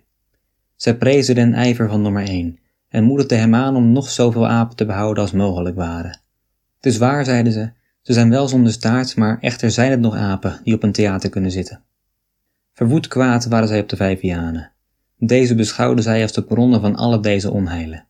Zij zochten vlijtig op, vonden ze in hun okkernotenbomen en voerden ze met zich mede om op het naaste kermissen gebruikt te worden.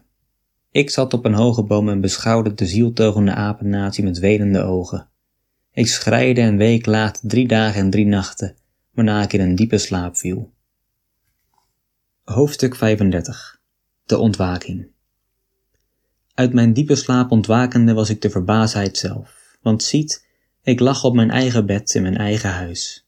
Mijn vrouw stond aan het hoofdeneind, mijn dienstmaagd neffens haar, mijn paard hoorde ik in den stal trappen en mijn hond likte de pot uit. Hemel, riep ik, waar ben ik? Gij zijt in uw huis, mijn lieve man, bij uw vrouw. Gij hebt in een eilende koorts gelegen, zei mijn dienstmaagd. En van apen gedroomd, zei mevrouw. En van allerlei soorten staarten, zei de dienstmaagd. Die men wilde afkappen, zei mevrouw. En er andere voor in de plaats zetten, zei mijn dienstmaagd. En dus beurtelings voorgaande werd mij mijn ganse droom verhaald. Ik keek naar de rimpels en het gele vel van mijn vrouw, naar een dikke buik van mijn dienstmaagd en viel andermaal in een razernij die nog erger was. Einde.